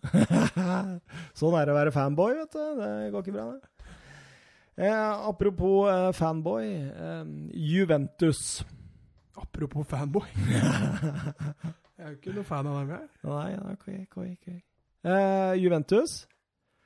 De fikk seg en ny trener, de. Ja, jeg sa jo det at vi Når vi satt for et par dager siden og tenkte hvem er det vi skal snakke om nå, så sa vi vel det at ja, hvis Sarri Ja. blir klar, så tar vi Juventus. Og så gikk det vel nøyaktig to dager, og så var han klar. Jeg tror vi hadde tatt Juventus selv om Sarri ikke var klar òg, ja. men det, det, det, da hadde vi liksom hatt litt sånn Det skjer hvis Sarri kommer. Ja. Så det var veldig fint å få den bekrefta. Ja, da kan vi snakke litt mer eh, konkret. Ja, for uh, Sarri han eh, tok tredjeplassen i Premier League med Chelsea, og han vant Europa League. Så pakka han eh, sekken og eh, sneipen, og så dro han eh, til Torino og Juventus. Ja. Og eh, der er vi begge to ganske samstemte om at det kommer til å bli bra. Ja, altså For det første så tror jeg Juventus savner en offensiv trener. Ja, i hvert fall supporterne, tror jeg, nå. nå. Ja, altså jeg, men jeg tror mange av spillerne gjør det òg. Ja. Eh, I hvert fall de offensive, naturlig nok. Eh, og så, som du sier, så tror jeg supporterne setter veldig pris på Jeg tror mange Juventus-supportere der ute var ganske fornøyd når, eh, når Sarri kom inn. Jeg, jeg føler liksom at det, at det blir liksom Dette blir komplett om Allegri går til Chelsea. ja. Fordi Jo, jo, men fordi eh, Jeg hører du snakker Lampard og sånt, men det, det, det, Altså, Chelsea og den lange, eh, lange tradisjonen, skulle jeg fram til, med italienske trenere. ikke sant? Og den, også den tradisjonen med å være litt kyniske. Og, og, og være litt pragmatiske og litt mer sånn Altså, det, det, er, det lukter så Allegri at det Men jeg ser den jo knapt nok linka, så jeg begynner jo å lure, da. Ja, så, men jeg så jo også nå at Derby drev og forhandla fram en eh, ny avtale med Lampard. Ja, ja. Så det kan hende det blir en helt annen en. At de vi to har snakka om, ikke er, eh, er, eh, er det det blir til. Men Jeg tror Lampard og Chelsea begge to har godt av å la det vente et par år til, jeg, da. ja, det er ikke sikkert det er feil. Uh, Og så tar du Allegri inn på en toårskontrakt. Og så sier du til en uh, Altså, fordi det jeg tenker, da, det er at eh, det Chelsea trenger nå, det er en manager, altså pga. overgangsnekten, en manager som kan komme inn og gjøre noe ut av allerede satte forutsetninger. Og der er jo Allegri en mester. For han, Ja. kan, han, er jo, han kan skifte formasjoner, og han er, han er jo taktisk veldig smart og veldig defensivt strukturert orientert. Mm. Og det trenger Chelsea denne sesongen her. Mm. Ja, jeg så, både, jeg så Benitez også rykta. Ja, men det er litt av den samme Jeg typen. synes det var det jeg skulle fram til. At Skal jeg Mourinho til Newcastle nå, eller? ja, Nei, men at Benitez forsvinner nå, det, det tror jeg nesten begynner å bli litt seigt, tror du ikke det? Ja, det spørs, da. Så at uh, av de ledige managerne på, på kontinentet nå, så, så er vel kanskje Allegri det, det mest fornuftige. ja, valget. jeg- Hadde jeg vært Chelsea-supporter i dag, så hadde jeg, jeg hadde blitt misfornøyd med alt annet enn Allegri. Men, men, eh, men eh, ja, Hva skal jeg si? Kjærligheten, da, så hadde det jo vært Lampard. Ja, ja, jeg skjønner det, men vent et par år, tenker jeg. Eh, over til Zari, da. Han kommer jo til å spille 4-3-3, og du var inne på i innledninga her at eh, Mirlam Pjanic vil få en eh, viktig rolle. Ja, Miralem eh, blir Tror jeg får en veldig viktig rolle. Viktig rolle, viktig rolle, rolle. Eh, en, en, mest sannsynlig, tror jeg, som det dype. Eh, han har kreativitet, han har den evnen til å spille gjennom ledd. Uh, han er jo ikke fullt Han er jo ikke så supergod én mot én defensivt, men uh, han vil tjene inn mye av det offensivt, nettopp fordi Juventus oftest har ball. Så dette blir hjernen i Sarri sitt lag. Ja, det vil jeg. Han får Jørginho-rollen. Ja. Eh, Indreløperne, der tror jeg Juventus må fornye litt, altså. Nå har de henta Aaron Ramsey, da. Ja, men igjen, altså Det er en veldig lik spilletype, det de allerede har der. da. Og så er det 20 kamper maks i løpet av en sesong. Ja, det kommer til å være litt på fysio. Men, men, men jeg tenkte vi skulle gå litt eh, Vi, vi tar noen steg tilbake her nå, og så går vi på, på keeperne.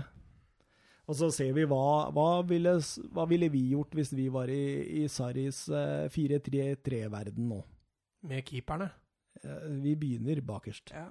Ja. Nei, jeg sjekka, sjekka stallen. Eh, Stensny, Perin og Pinzoglo Pinsoglo Jeg har aldri hørt om henne, faktisk. heller. Men uh, Perin er jo annenkeeper, og Stensny er uh, førstekeeper, og de er jo kjente. Men uh, vi var litt inne på i Argentina-kampen der at eh, en keeper, eh, alle de beste, har gode keepere, men her Her er det tynt. Ja, det er, det er for tynt. Mm. Jeg, jeg vil etter Buffon De har ikke klart å takle det tomrommet der. Nei. Så eh, jeg ville i hvert fall fått meg en ny keeper. Ja, det er jeg enig med deg i. Og så ville jeg satt han Stensny på benk, og så ville Perin ville jeg solgt. Ja. Så da skriver jeg ned her. Ny keeper trenger vi. Trenger dem. Ja. Eh, Høyrebekk. Eh, Cancelo blir jo etter alle solemerker solgt i sommer. Okay. Det, det, det virker som det liksom er nærmest Til hvem og til hvor? Uh, det, er, det er jo flere om beinet, men det, det kan fort virke som det er Manchester City som tar den. Men ja, han har jo fått en del spilletid i år, da. Er, Ja, ja, ja. Jo, jo, han er mer, mer, mer, enn god nok. Vet du Men det, det, hvorfor? nei, så det, det, han blir jo bare linka så voldsomt av gårde. Mm. Så det, det virker nesten som det er hugget i stein. Men hvis det ikke er det, og vi må jo anta at det ikke er det foreløpig, så sier vi at Cancelo og De Sciglio Ja. de holder på den høyrebekken. Det er godt nok. De er bra nok. Ja. Og vel så det, egentlig, for han, ja. han er veldig bra. Cancelo på sitt beste er en eh, Strålende spiller. Han er en eh, spiller med, helt opp i toppen. Eh, så da går vi på venstrebekkene. Mm. Alexandro og Spinazzola. Mm. Det også holder. Ja, altså Alexandro har jo vært veldig opp og ned. Ja. Eh, Spinazzola egentlig det samme. Mm. Men begge de to på sitt beste er høyt der oppe, dem òg. Men er begge to best som wing- wingbacker? Ja, Ja. jeg føler det. Og det, det var litt der de starta egentlig også. Og Eh, de skal jo ikke spille wingbacker i, i Sarri sin formasjon. Nei, de er best offensivt. Mm. Så det kan godt hende at man f.eks. burde ha sendt uh, Alexandro på dør, Ja.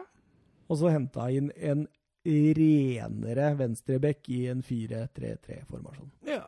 Mhm. Fått inn din favoritt i Alonso, kanskje? Ja, men han er jo wingback, han òg, så det hjelper ikke. Men da, da, da sier vi at vi, vi sender eh, Alexandro på dør, og så tar vi i bytte en venstreback. og så kommer vi heller tilbake til det. Mm, ja. Ny ved bekk. Eh, Stoppere. Han Sarri er jo selvuttalt fan av både Bonucci og Cellini. ja. Men de to kommer til å spille der neste år. Eh, Barzagli har jo lagt opp. Mhm. Eh, og så har de jo Rugani. Og det er jo en gammel Sarri-elev. Ja, og, så dette er nok tre stoppere han kommer til å ønske å like. Ja. Men utfordringa her er jo gjennomsnittsalderen. Mhm. Den er skyhøy. Men den kommer ikke han til å bry seg om første sesong. Nei, det gjør han ikke. Men at det kommer til å bli en utskiftning på stoppeplass om ikke i år, så må de nok foreta seg noe der i løpet av de nærmeste åra. Og det hjelper også at Bonucci er ekstremt god med ball i bein. Helt riktig. Så har de vel Caceres som en fjerdestopper, men det Ja, holder. men han er jo på lån fra Lazio. Ja, ja, stemmer, stemmer, Så han stemmer. stemmer. kan jo hende forsvinne. Ja. Men uh, vi, vi sier det holder. Mm. Det holder med stoppere. Det blir ingen delikt til uh, Juventus. Selv om Ronaldo vil ha det sånn. Ja. Men uh, hvis han går inn, så vil de jo få et litt sånn Da det er vel Kilinis, tenker jeg, som vil gå ut på grunn av at uh, han er jo ikke helt Sarri-stopperen. Nei, Uh, men altså likevel, Kelini er jo mister Juventus, så Ja, ja, du sant? skal ha litt uh, Cajonis som trener for å bytte ut han. Altså. første du gjør, liksom, er å bytte ut Mister Juventus defensivt, liksom. Ja.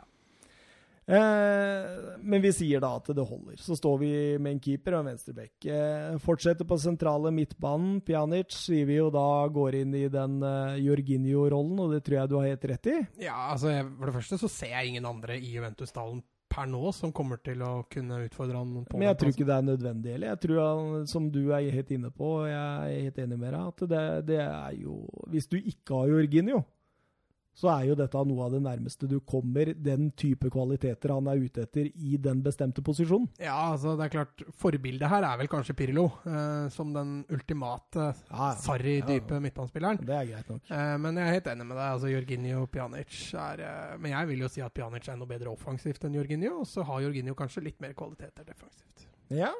Eh, Kedira, Matodi, Emre Shan er vel alle tre spillere som kan ryke. Bentancour Ja. Ja, du snakker om spillere som Ja, kan som kan ryke. ryke okay. nå i Mhm. dette vinduet. Det er jo ikke typisk Sarri-spillere. Nei. Og i og med at uh, han trenger bare én av de på en måte som ligger sentralt, da, så tror jeg han kan fort kvitte seg med to av de tre. Ja, altså med tanke på at Ramsey er inne, og at han, uh, Og han har, er en typisk indreløper. Ja, og så har han en Bentancour. Mm. Uh, og så hvis han kanskje vil kjøpe en indreløper De Det ser jo ut som han Traore så å si er klar. Ja, så jeg skulle til å si at de sikler litt etter Pogba, ja, men uh, Ja, det nei, gjør de også. Det begynner jo å bli mange indreløpere der nå. Altså, du har Bentancour, du har Emre Can, eh, du har Matuidi, du har uh, Kedira, så har du Ramsey. Så det begynner jo å bli veldig mange indreløpere der. Det siste jeg leste, var at det var en spiller fra Empoli med navn Hamad Traore som så å si er klar nå. Mm. Og det er en uh, ung uh, indreløper fra Elfenbenskysten. Ja. Uh, husker han skårte et Empoli-kamp vi så her helt i sluttrundene. Jeg husker ikke helt hva det var. Det var husker du hva han som kom på det lengste etter det der innlegget fra høyre der? Ja, da var Det det var to stykker som kom inn foran. Ja, det var mot Inter, var det ikke det? Ja, det var vel det. Inter måtte Ja. vinne for å få fjerdeplassen. Det var, eh, det var Traore. Eh, men eh, det vi sier, da, er at den burde skaffe seg en ny indreløper. Ja. Fordi du kan jo ikke stole på at du får eh, 100 oppmøte av eh, Aaron Ramsey. Nei, men, men altså, du har jo Matuidi, du har Emre Can, du har Sami Kedira, du har Bentancour, du Så har du kan- Ramsey, du har fem indreløpere. Men du skal kvitte deg med to av dem. Liksom. Du må kanskje kvitte deg med tre av dem, da, hvis Ja, du skal kanskje. kjøpe inn en til. Ja. For altså, dobbel dekning er vel, okay. Er vel mer enn godt nok. Men Bentakor selger vi ikke pga. alder. Mm. Ramsey er jo ny, Ja. så da stryker vi Emre Shan. Vi stryker Matudi, og vi stryker Kedira. Og så Ja. henter vi inn Ama Traore fra Empoli og en ny en. Jeg tror Hvis en av dem blir, så er det nok enten Emre Can eller Matuidi. På grunn av, kanskje først og fremst pga. alder. Ja. Og det tror jeg ikke blir Matuidi. Så da tror jeg vi står inn eventuelt med Emre Chan. Ja, altså også Kedira har vel øh, har også slitt mye med skader. Slitt mye Han er ferdig. Eh, høyre kant har jeg funnet eh, Bernadeschi og Codrado. Og det virker jo som Codrado kommer til å dra. Ja, han har vel altså Dybala òg, da. Han uh, har vel spilt mest høyrekant i år, hvis ikke han har spilt bak, bak spissen. Men i 4-3-3 så ser jeg ikke noen andre fornuftige formål og plasser til han, egentlig. Og så er jo han uh, U21-stjerna Chiesa. Han er jo høyt linka. Ja. Så åpenbart at det kan fort bli løsningen. Og jeg vil tippe at Cudrado finner seg noe annet å gjøre. Og at Bernardeschi, som har et veldig høyt toppnivå, kommer fortsatt til å være i den stallen. Og at den vil få inn en ny høyrekant. Ja, altså Bernadeschi er, er jo fortsatt bare 25 år, så han har fortsatt sikkert mye å tilby. Og jeg er helt enig med deg, toppnivået til Bernadeschi er, er veldig bra. Eh, men så har jeg også sett båndnivået hans, og det, det er ikke like imponerende. Nei. Eh, Nei, det er klart, men eh, nå kommer en ny trener, vet du, og spillere kan blomstre. Ja og han, det er som du sier, det toppnivået der, det er, det er høyt. Venstrekant er nok en spiller som har blitt rykta ut uh, i både hue og albu. og det er jo eh, Douglas Costa. Ja. Uh, så jeg har skrevet han uh, der, og så har jeg skrevet Cristiano Ronaldo som en venstrekant. ja, han er jo best fra, fra Ja. venstre. Jeg vil ikke tro at de kommer til å gjøre sånn voldsomt mye der.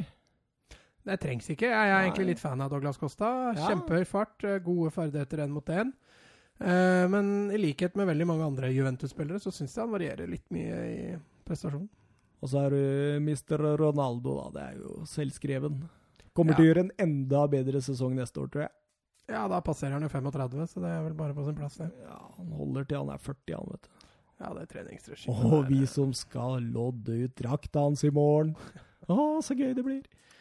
Eh, så jeg skriver spisser. Eh, Dybala, jeg har tatt den som spiss. Eh, liker den best som eh, sånn litt sånn hengende, slepen spiss. Og jeg tror også at det kan eh, Du veit hva Sarri gjorde med Dries Mertens? Ja, Ja men du veit også hva Sarri gjorde med Hazard. Så det er jo litt, det er Dybala Hazard. Det er litt sånn Ja, det er litt forskjellige spillertyper, men kan jo bruke den som innoverkant, sånn som han gjorde med Hazard. Men uh, det jeg vil, da, det er det at jeg vil uh, Jeg vil uh, beholde Dybala, helst. Fordi jeg tror Sarri, fotballen kan gjøre han godt. Ja. Jeg vil beholde Moise Keane, ja. fordi han er et ekstremt stort talent. Og så vil jeg selge Mandzukic, og jeg vil selge Iguain. Ja.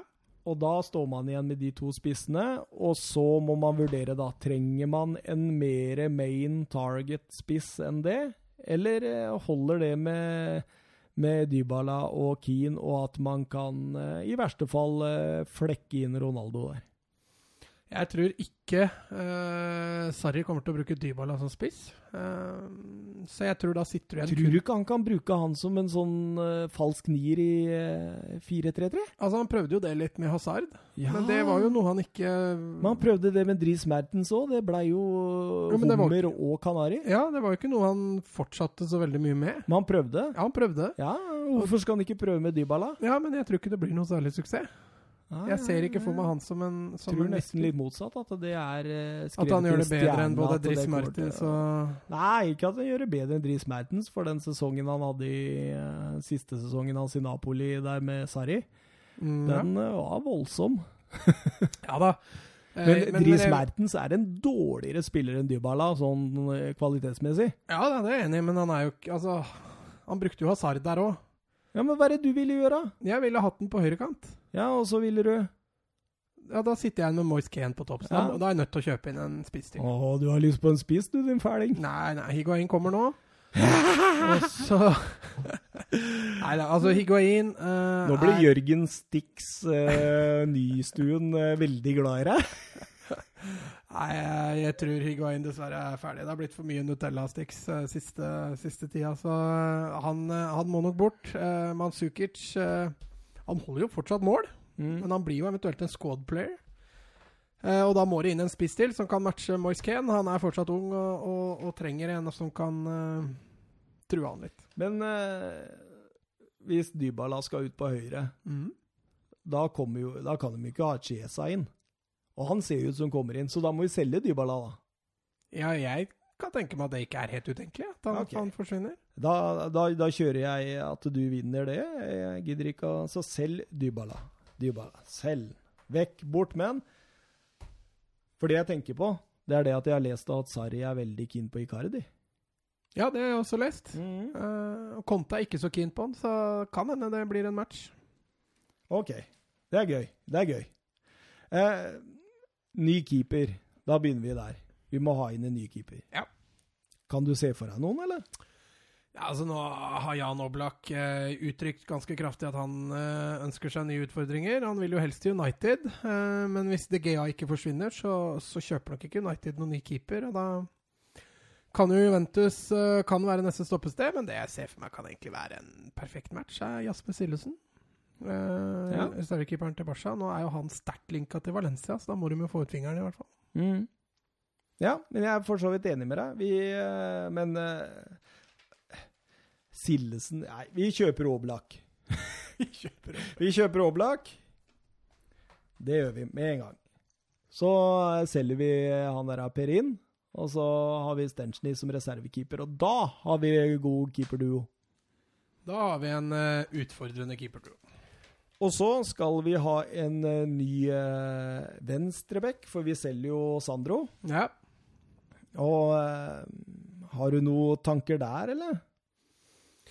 ja, altså Det er jo begrensa hva man liksom Ja, altså Det jeg tenker, som litt som er sånn typisk Juventus òg Nå husker jeg ikke navnet hans, men du har han venstrebekken i Porto. Tei, Theo? Theo. Eh, som en egentlig en fornuftig erstatter. Altså De henta Alexandro fra Porto. Kan jo være en fornuftig signering, det. Da kjøper vi Theo. Og da tror jeg vi går i pluss òg. For jeg tror vi får mer penger igjen for uh, Sandro enn vi får kjøpt uh, Theo for. Ja, Eh, helt enig. Da kjører vi han på venstre bekk. Og så eh, skal vi ha en eh, ny indreløper. ja, den er litt verre. Jeg leste også at Rabiot var linka dit. Og, Men Rabiot kan du ikke ta imot hvis du er ved dine fulle fem. nei, ikke hvis du heier på laget, kanskje. Eh, Indreløperen er jo litt morsom. Eh, Pogba er nevnt. Pogba er nevnt. Ja, han tror jeg Eh, vil til Real Madrid. Tony Kroos er nevnt. Ja, den er kanskje litt mer sannsynlig. James Rodriguez er nevnt. Ja, den er i hvert fall sannsynlig. Mm. Eh, hvis du kunne velge fritt av de tre.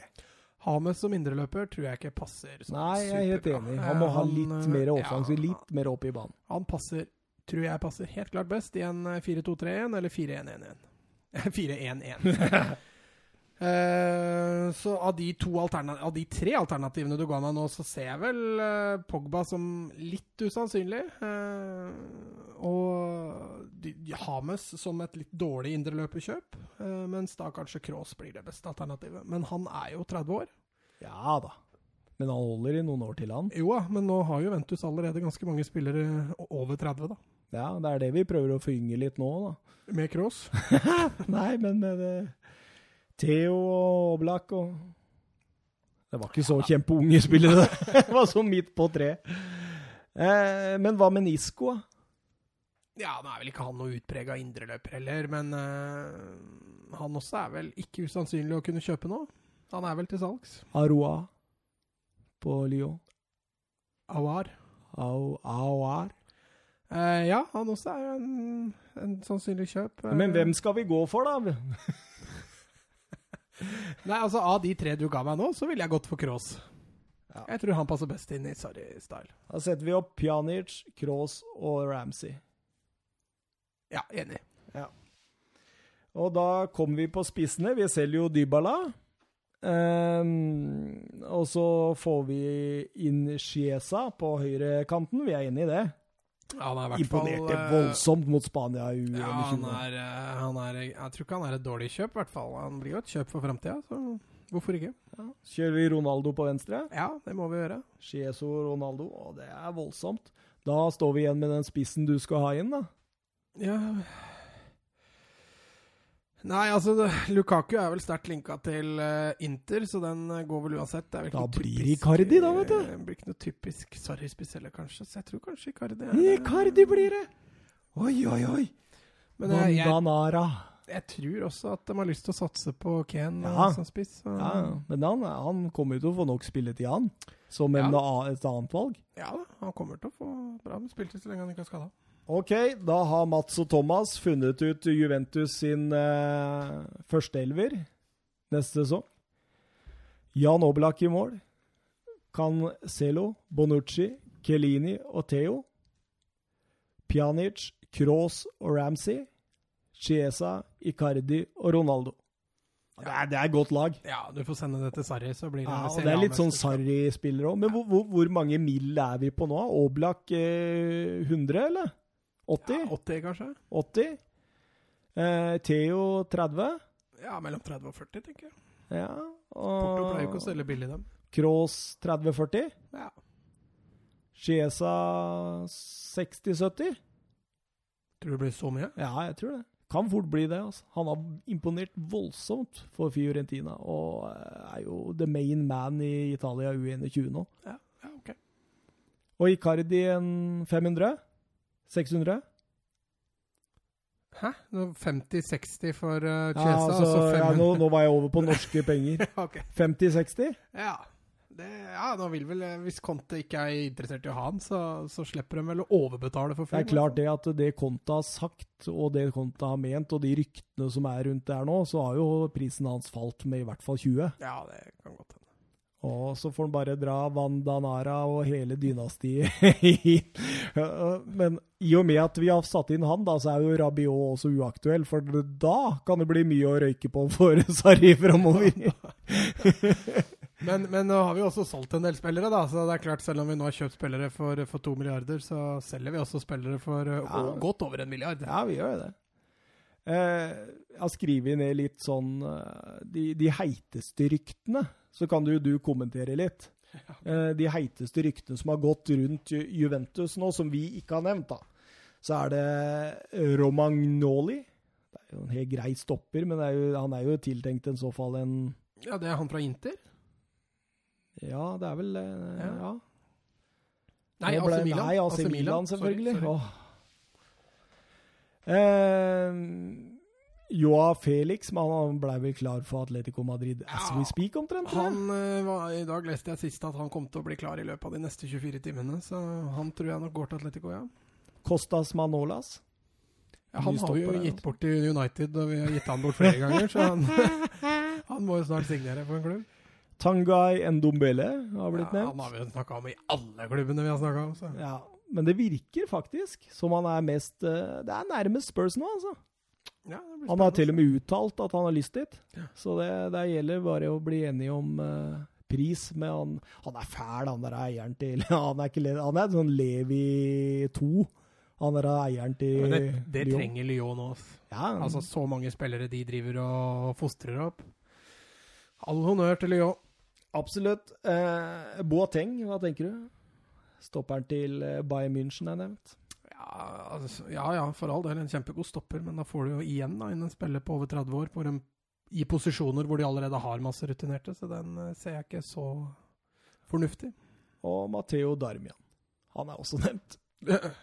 ja, han blir vel en backup. Han har vi også gitt bort fra United, tror jeg. nå. Eh, nei, jeg syns det Juventus-laget der og med Sarri som trener kan eh, se fram mot mange gode sesonger.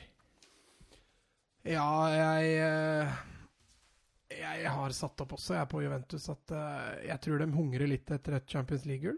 Eh, nå har de vunnet Serie A mange ganger, sju ganger på rad. Ja, det er voldsomt. De har vel også en fire-fem cupgull i løpet av de sju siste åra. Så det er et Champions League-gull de gjerne vil ha. Sannsynligvis. Litt av grunnen også til at jeg tror Allegri måtte gå før kontrakta, var at de så at nå var vi enda lenger unna den Champions League-gullet enn det vi har vært eh, de foregående sesongene.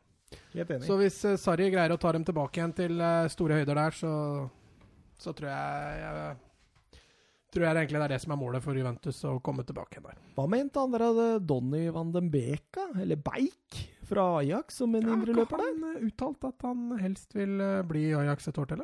Ja, det var lurt. Jeg tror det, ja. Jeg hyller sånne som ikke har så hastverk. Jo, men har jo han slo jo han først gjennom i år, da, så at han tar det med ro, det Ja, til og med liksom sånn Altså, det var, han var jo ikke veldig god sånn i starten av sesongen heller, Nei, så det kommet seg veldig på slutten. Nei, Jeg håper han blir et år til, jeg. Skal vi eh, Nå har vi bare U21-EM og litt lyttespørsmål igjen. Ja. Skal vi bare dure videre, eller?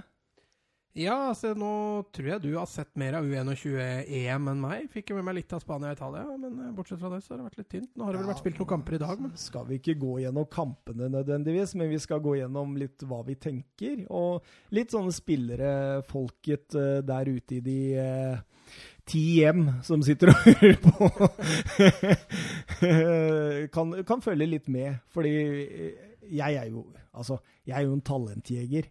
Det har jeg jo alltid vært. Jeg har jo alltid prøvd å finne spillere før de blir liksom litt sånn eh, allemannseie, da. ja. Og husker du ikke de der bloggpostene jeg hadde i min tid? Altså Ja. der 100 mest største talenter Mm. eh, Hvordan gikk det med Juani Turbø? Nei, det gikk dårlig, men han var aldri helt på toppen heller. Vet du hva jeg skulle gjort en gang, som en sånn bonusgreie? Vet du hvor han Hvis- spiller nå?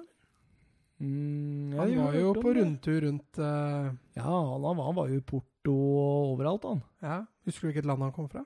Ja, han kom jo fra Urug... Nei. Paragu... Nei.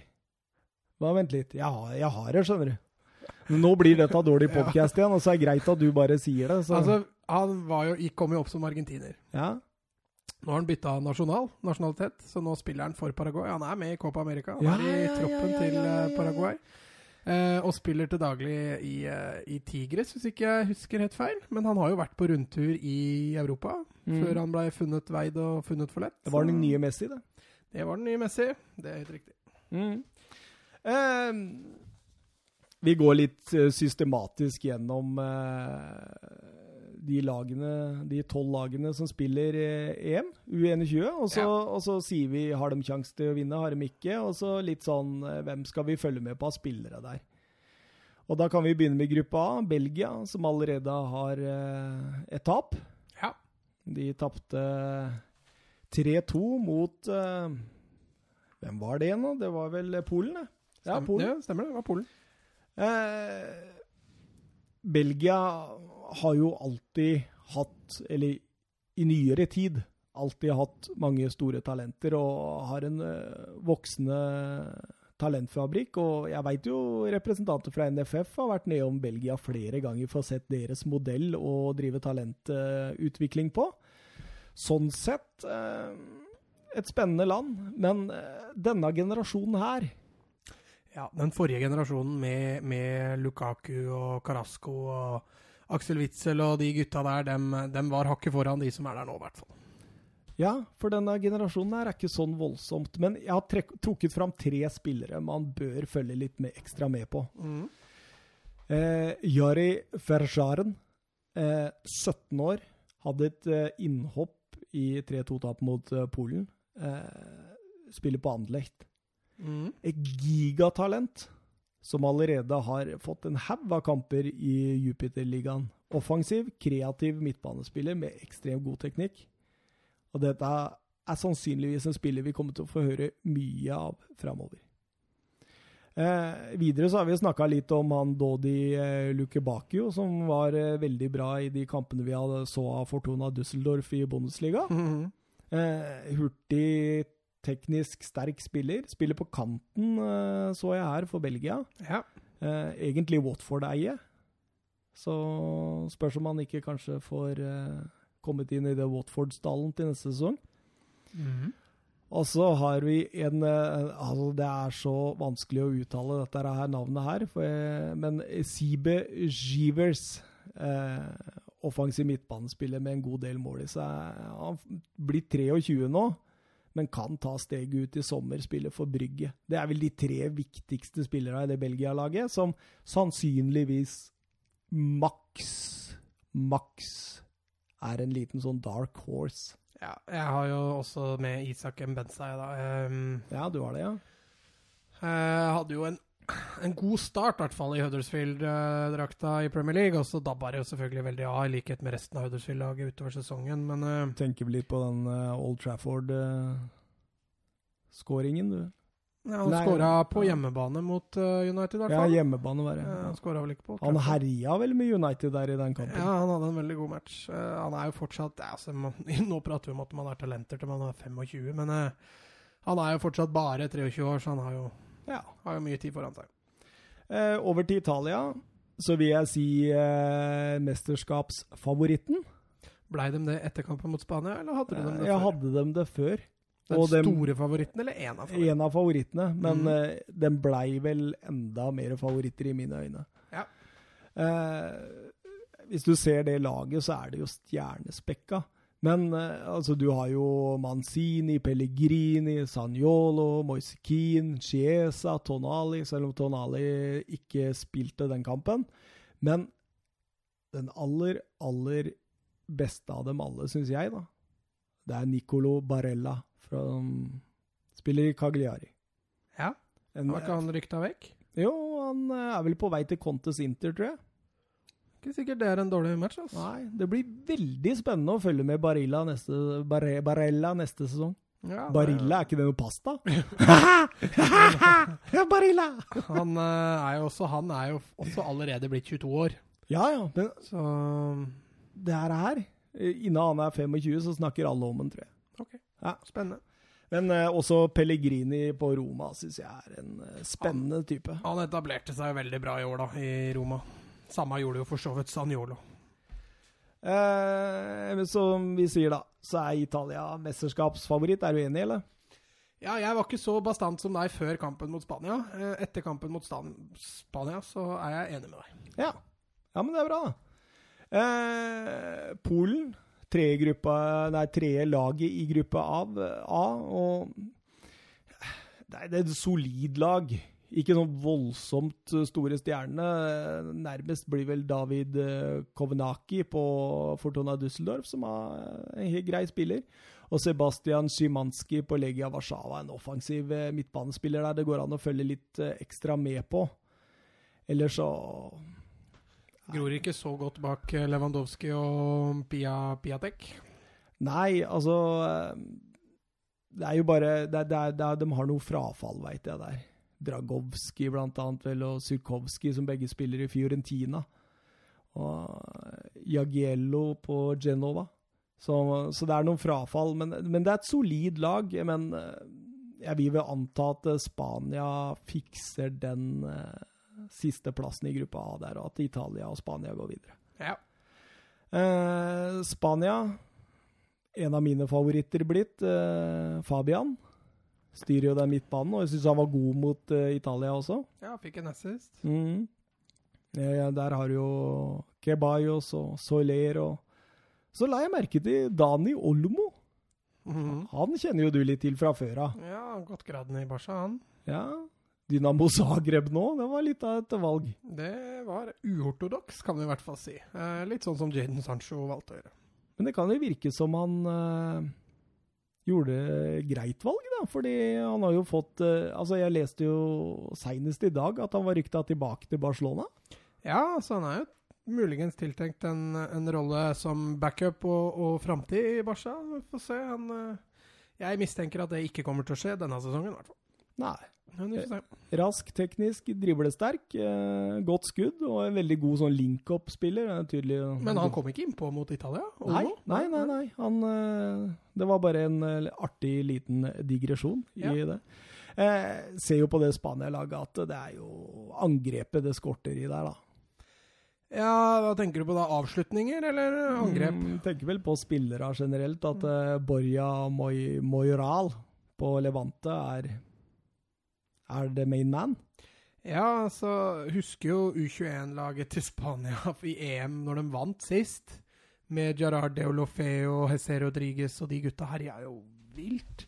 Det er liksom ikke helt de typene nå. Tiago Isco spilte jo indreløpere det året, husker jeg. og Spania har, eh, har, litt, eh, har litt å ta igjen. Nå er det vel verdt å nevne at eh, Majoral er på utlån da, fra Real Madrid, så han er jo strengt tatt Real Madrid-spiller. Han er ikke god. Nei, han kommer nok aldri til å spille på, fast på Real Madrid, det er helt enig. Han blir nok solgt eller, eller leid ut på nytt. Ja. Eh, da sier vi Spania og Italia går videre fra gruppa, og at eh, Italia er mesterskapsfavoritt. Så går vi over til gruppe B, hvor Østerrike spiller. Egentlig Ja. Østerrike er liksom Østerrike. Det er liksom det er litt av det samme. Det, du finner ikke de store stjernene der. Og eh, det er jo først og fremst et lag. Men altså, det er jo et styrketegn at de har kommet seg dit. Det er litt sånn som Enig med deg i forhold til at de er et lag. Altså, så Norge når de sist var der. altså De var gode som lag når de kom til semifinalen det året med, med, med Jo Inge Berg og Markus Pedersen i, i spissen. Uh, de har jo ingen enkeltspillere som skiller seg sånn veldig ut, i hvert fall. Nei, de, men de kommer med en del spillere som har A-landskamper for eh, Østerrike. Eh, Kevin Danso, blant annet. Lienhardt i Freiburg. Eh, er vi, eh, Sleger, som han heter, i Salzburg. Sleger, han er glad i Slegerstø, tror jeg. Ja, Hannes det- Wolff. Hannes Wolff. det Så de kommer med noe. Ja, men det går vel også litt på at A-laget til Østerrike ikke er, eh, er helt i toppen, så veien fram er ikke så lang. Absolutt. Men, men på Serbia så har du jo en spiller som skiller seg litt ut. Ja, for du drar til Serbia nå? Å ja, ja, fordi Østerrike møtte jo Serbia i dag. Ja. Ja, Ja. Det var derfor jeg dro til Serbia. Ja, Åssen gikk det, forresten? Ja, vi- Ja, Østerrike vant eh, 2-0. Ja. Hvem er det som skåret målene? Eh, ja, det gjorde godeste Hannes Wolff og Sasha Horvath. Men da skal det også nevnes at uh, Serbia spilte med en mann mindre det siste kvarteret. Ja, og eh, Serbia, der har Det er jo Luka Jovic og ikke noe annet, føler jeg, da. Nei, jeg gikk gjennom stallen tidligere i dag, ja, og jeg hadde ikke hørt om så mange. Luka Jovic skiller seg veldig ut. Eh, og så har vi Danmark i gruppe B. Mm, de, De har jo også spilt i dag. De tapte vel mot eh, Tyskland i dag. De røyk eh, 3-1. Eh, Danmark mangler jo sin store forsvarsstjerne Joakim Andersen fra Sampdoria. Mm. Han har noe knetrøbbel, og eh, de trodde først han skulle bli klar, men eh, det ble han ikke. Tenk deg den stoppeparet det kunne hatt også, med Jakob, Rasmussen ved siden av der. Eh, Empoli-stopperen. Mm. kunne stilt fantastisk på stoppeplass. Ja, det er litt, det er litt svekkende, kan du si. ja. Spilte han Victor Nelson i dag, eller? Uh, ja, det Ja. gjorde han. For han er brukbar. Eh, Jakob Brun Larsen fra Dortmund er vel stort sett det eneste jeg har lyst til å rope varsko om med det Danmark-laget. Altså, jeg skrev også opp Robert Skov eh, før Men dette han er mesterskapet. 22-23 år allerede og spiller Jo i København. men, uh, det er ikke noe bedre enn Lene Olsen, liksom. Verdt å nevne at han skåra i dag. Ja. Men eh, over til gruppefavorittene, da, som blir Tyskland. Ja. Der er vi jo ganske enige. Der kommer jo din store kjærlighet, eh, stopperkjempe Jonathan Ta inn, i hvert fall. ja, han er jo kaptein på dette U21-landslaget, så han, eh, han blir nok en uh, viktig, viktig brikke, han. Lukas Klostermann, Leipzig-bekken. Det Ja, det er det godt, stopp, gode, gode, godt forsvar i Tyskland i år. Ja, så har du også Henriks. Uh, har jo også hatt en Han spiller jo til daglig i Monaco, så de har bra decent bak der, altså. Alexander Nybel i mål. Uh, tippa som den nye Noyer, veit jeg. Ja, Noyer kommer jo også fra Schalke, så mm. Kommer i hvert fall fra samme bakgrunn. Nei, så jeg tror uh, Tror rett og slett at Tyskland drar denne gruppe B. Men de, er- de er en outsider, sier jeg. Ja, de mangler jo litt spesielt framover, syns Ja. jeg. Så mangler de litt. Grann. De har et Solid solid, eh, defensivt, Solid og- defensivt. Og så får vi se hva de skårer opp. Tre mål på et OK Danmark-lag i dag, så skal ikke kimse av Tyskland. Du har vel brødrene Eggerstein òg, tror jeg. Maximilian og Johannes. Jeg tror begge to er i, i laget der. Ja, Maximilian kan jeg i hvert fall si at starta. Han andre veit jeg ikke noe om. Skal vi gå over til gruppe C? Kjør på. Eh, Kroatia. Eh, forventer vel ikke det helt store av Kroatia i dette U21-mesterskapet. Nei, nå har de jo havna i en ganske tøff gruppe, Også. Ja, eh, Halilovic derimot, det han kjenner du litt til fra Barca-tida. Ja, han har dessverre falt litt gjennom eh, og blitt mye klubbskifter og aldri kunne tatt det siste steget. Men eh, for all del fortsatt en habil fotballspiller. Lagets store stjerne er vel eh, Nikola Vlasic, eh, på utlån fra Everton til eh, CSKA Moskva. Ja, han har ikke, veit jeg ikke åssen han har gjort det i år, så han Han, tør jeg ikke uttale meg eh, han, når han kom til Premier League, så fikk han umiddelbart lov til å starte en del. Og da var han veldig god, men så, så var det akkurat som at det falt litt igjennom. Og så har de jo nå lånt den ut, da. Og nå gjør han det ganske bra i Moskva. Mm. Så det, det kan være et eh, prospect for Everton allerede neste år. Eh, I samme gruppe finner vi England. England eh, Vi snakka litt om det før, og da sier du til meg eh, før sending og da sier du til meg at England kommer ikke med det helt store. Men jeg synes England kommer med det helt store, og er en av de absolutt største utfordrere til Italia. Ja, jeg huska jo ikke sjøl hva jeg sjøl hadde notert, for jeg sa jo til deg at jeg ser på England som en av outsiderne, og så ser jeg på det jeg har skrevet på forarbeidet, og så setter, står det der at de er en av favorittene, så jeg hadde jo bomma litt der. så jeg huska ikke helt hva jeg hadde skrevet, men uh, går du gjennom stallen der, så ser du at det er mye Det er en del Premier League-erfaring der, og det er uh, Ja, jeg står fortsatt ved at dette er en av de to store favorittene. Ja, AD Botroyd kommer med Angus Young Nei, Angus Young. Angus Gunn. Angus Gunn i Southampton-målet. Tammy Abraham, som hadde 26 mål for Villa dette året, nå i Chelsea. Eh, DeMari Gray fra Leicester. Eh, På toppnivået til DeMari Gray, det er utrolig. Men- ja. Han er jo så ustabil som en pakke med cornflakes, ikke sant? så det er jo ikke mulig å skjønne helt hvilken Gray du møter. Nei. Eh, Manchester City har jo også en representant i Phil Foden. Han eh, presenterte jo seg litt eh, på slutten av denne sesongen. Ja, jeg ser vel kanskje på han som den kan bli den viktigste spilleren. Og en av mesterskapets store, spillere. Så ja, satte han opp som en av de store. ja. Og eh, Wolverhampton sin Morgan Gibbs White, som kom inn og var fantastisk i oppgjøret mot Tottenham, veit jeg, denne sesongen. Og så er, så er det kjente navn, da. Van Bissaka, James Madison, Ryan Cessenjau, Harvey Barnes, Dominic Calvert-Lewin. Og, og sist, men ikke minst, en som ikke er veldig sånn kjent, men som er en av de som kan virkelig ta og få et gjennombrudd, Mason Mount. Ja, jeg hører du prater om han. Ja, ja, ja. Den eh, nye Lampard. Lampard hadde den i Derby i år. Mm. Kan muligens pga. overgangsnekten eh, bli en, eh, en rotasjonsspiller for Chelsea allerede i år. Ja. Eh, blir veldig spennende å følge med på. Var på utlån, har vært på utlån mye, som i Chelseas gode tradisjoner. Eh, hadde ni mål på 29 mot Vitesse for Vitesse for sesongen før. Mm.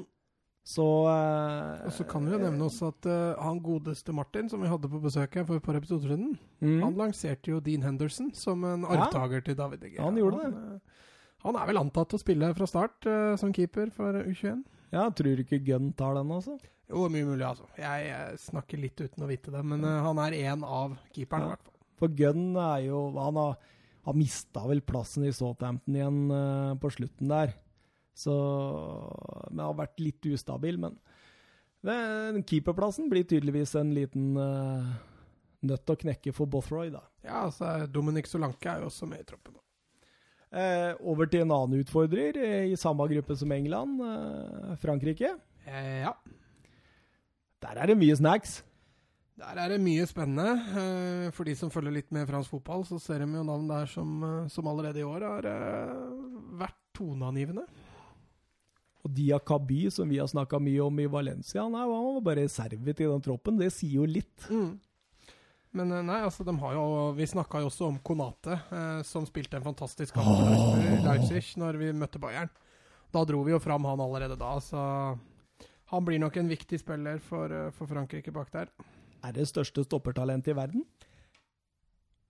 Kanskje sammen med Delict. Ja, kanskje samme delikt, ja. Helt enig.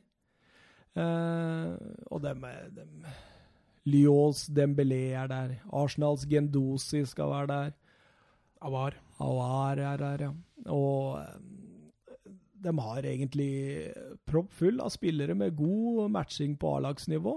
Og sist, men ikke minst, litt morsomt, Liliam Turans eh, sønn Markus uh, ble kalt inn. Ja, nei, han, han, han har ikke sett så mye, skal jeg være helt ærlig. Så jeg tør ikke si så mye. Han, der. han tok over plassen nå til Martin Terrier, som uh, måtte melde seg ut av troppen pga. sykdom. Ja. Eh, sist, men eh, Ikke minst. Nei, Ikke minst, men ikke ikke så langt unna minst. Romania. Eh, Det er litt gøy at de også får til noe igjen. Det er lenge Ja. siden de har vært i noe sluttspill. eh.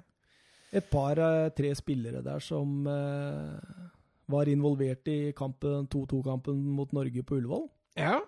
Han eh, George Puskas eh, fra Palermo, spissen, og eh, Haji fra Vitorol.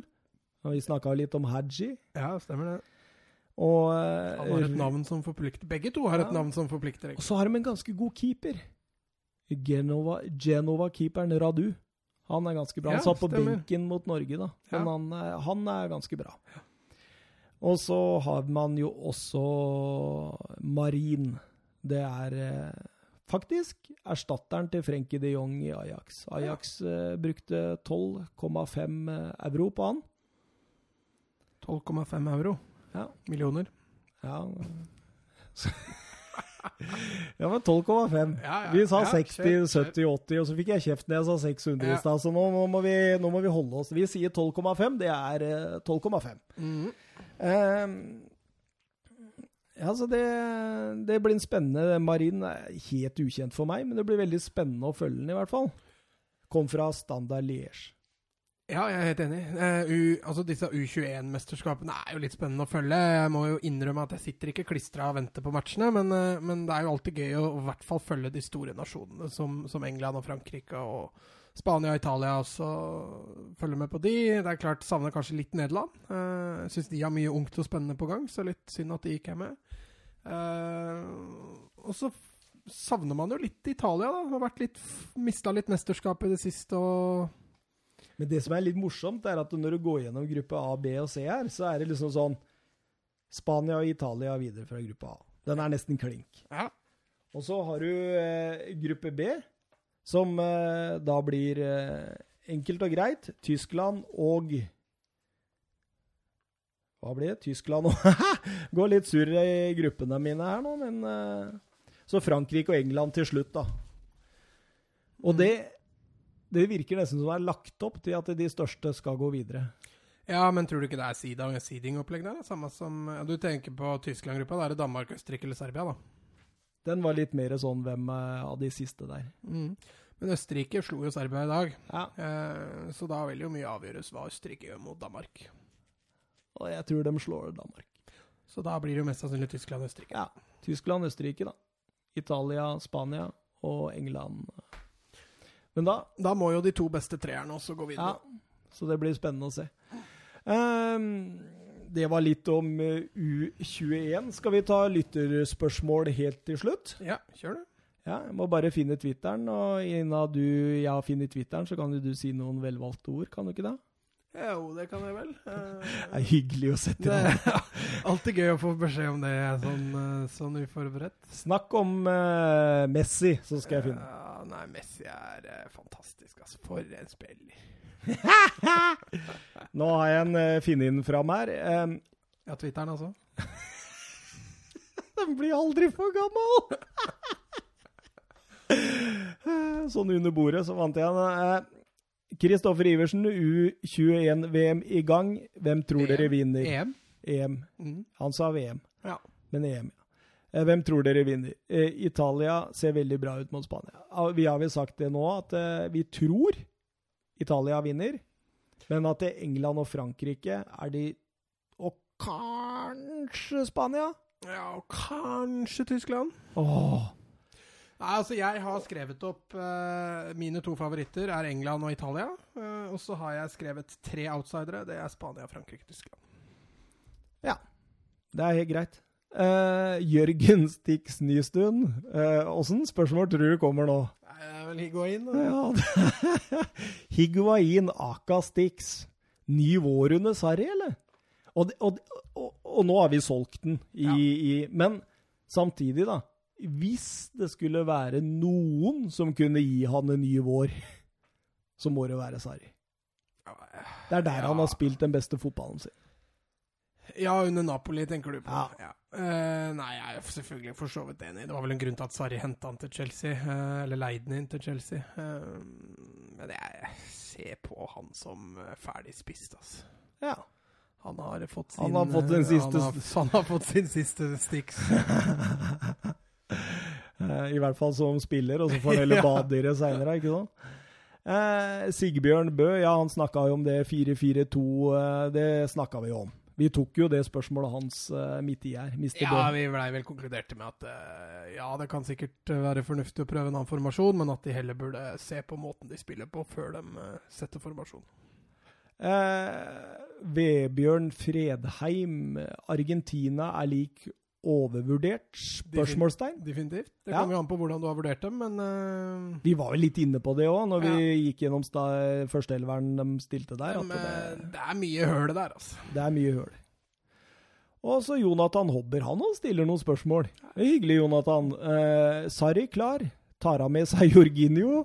Eller vil han lage en Jorginho 2-0 av Pjanic? Det snakka vi jo også løst om.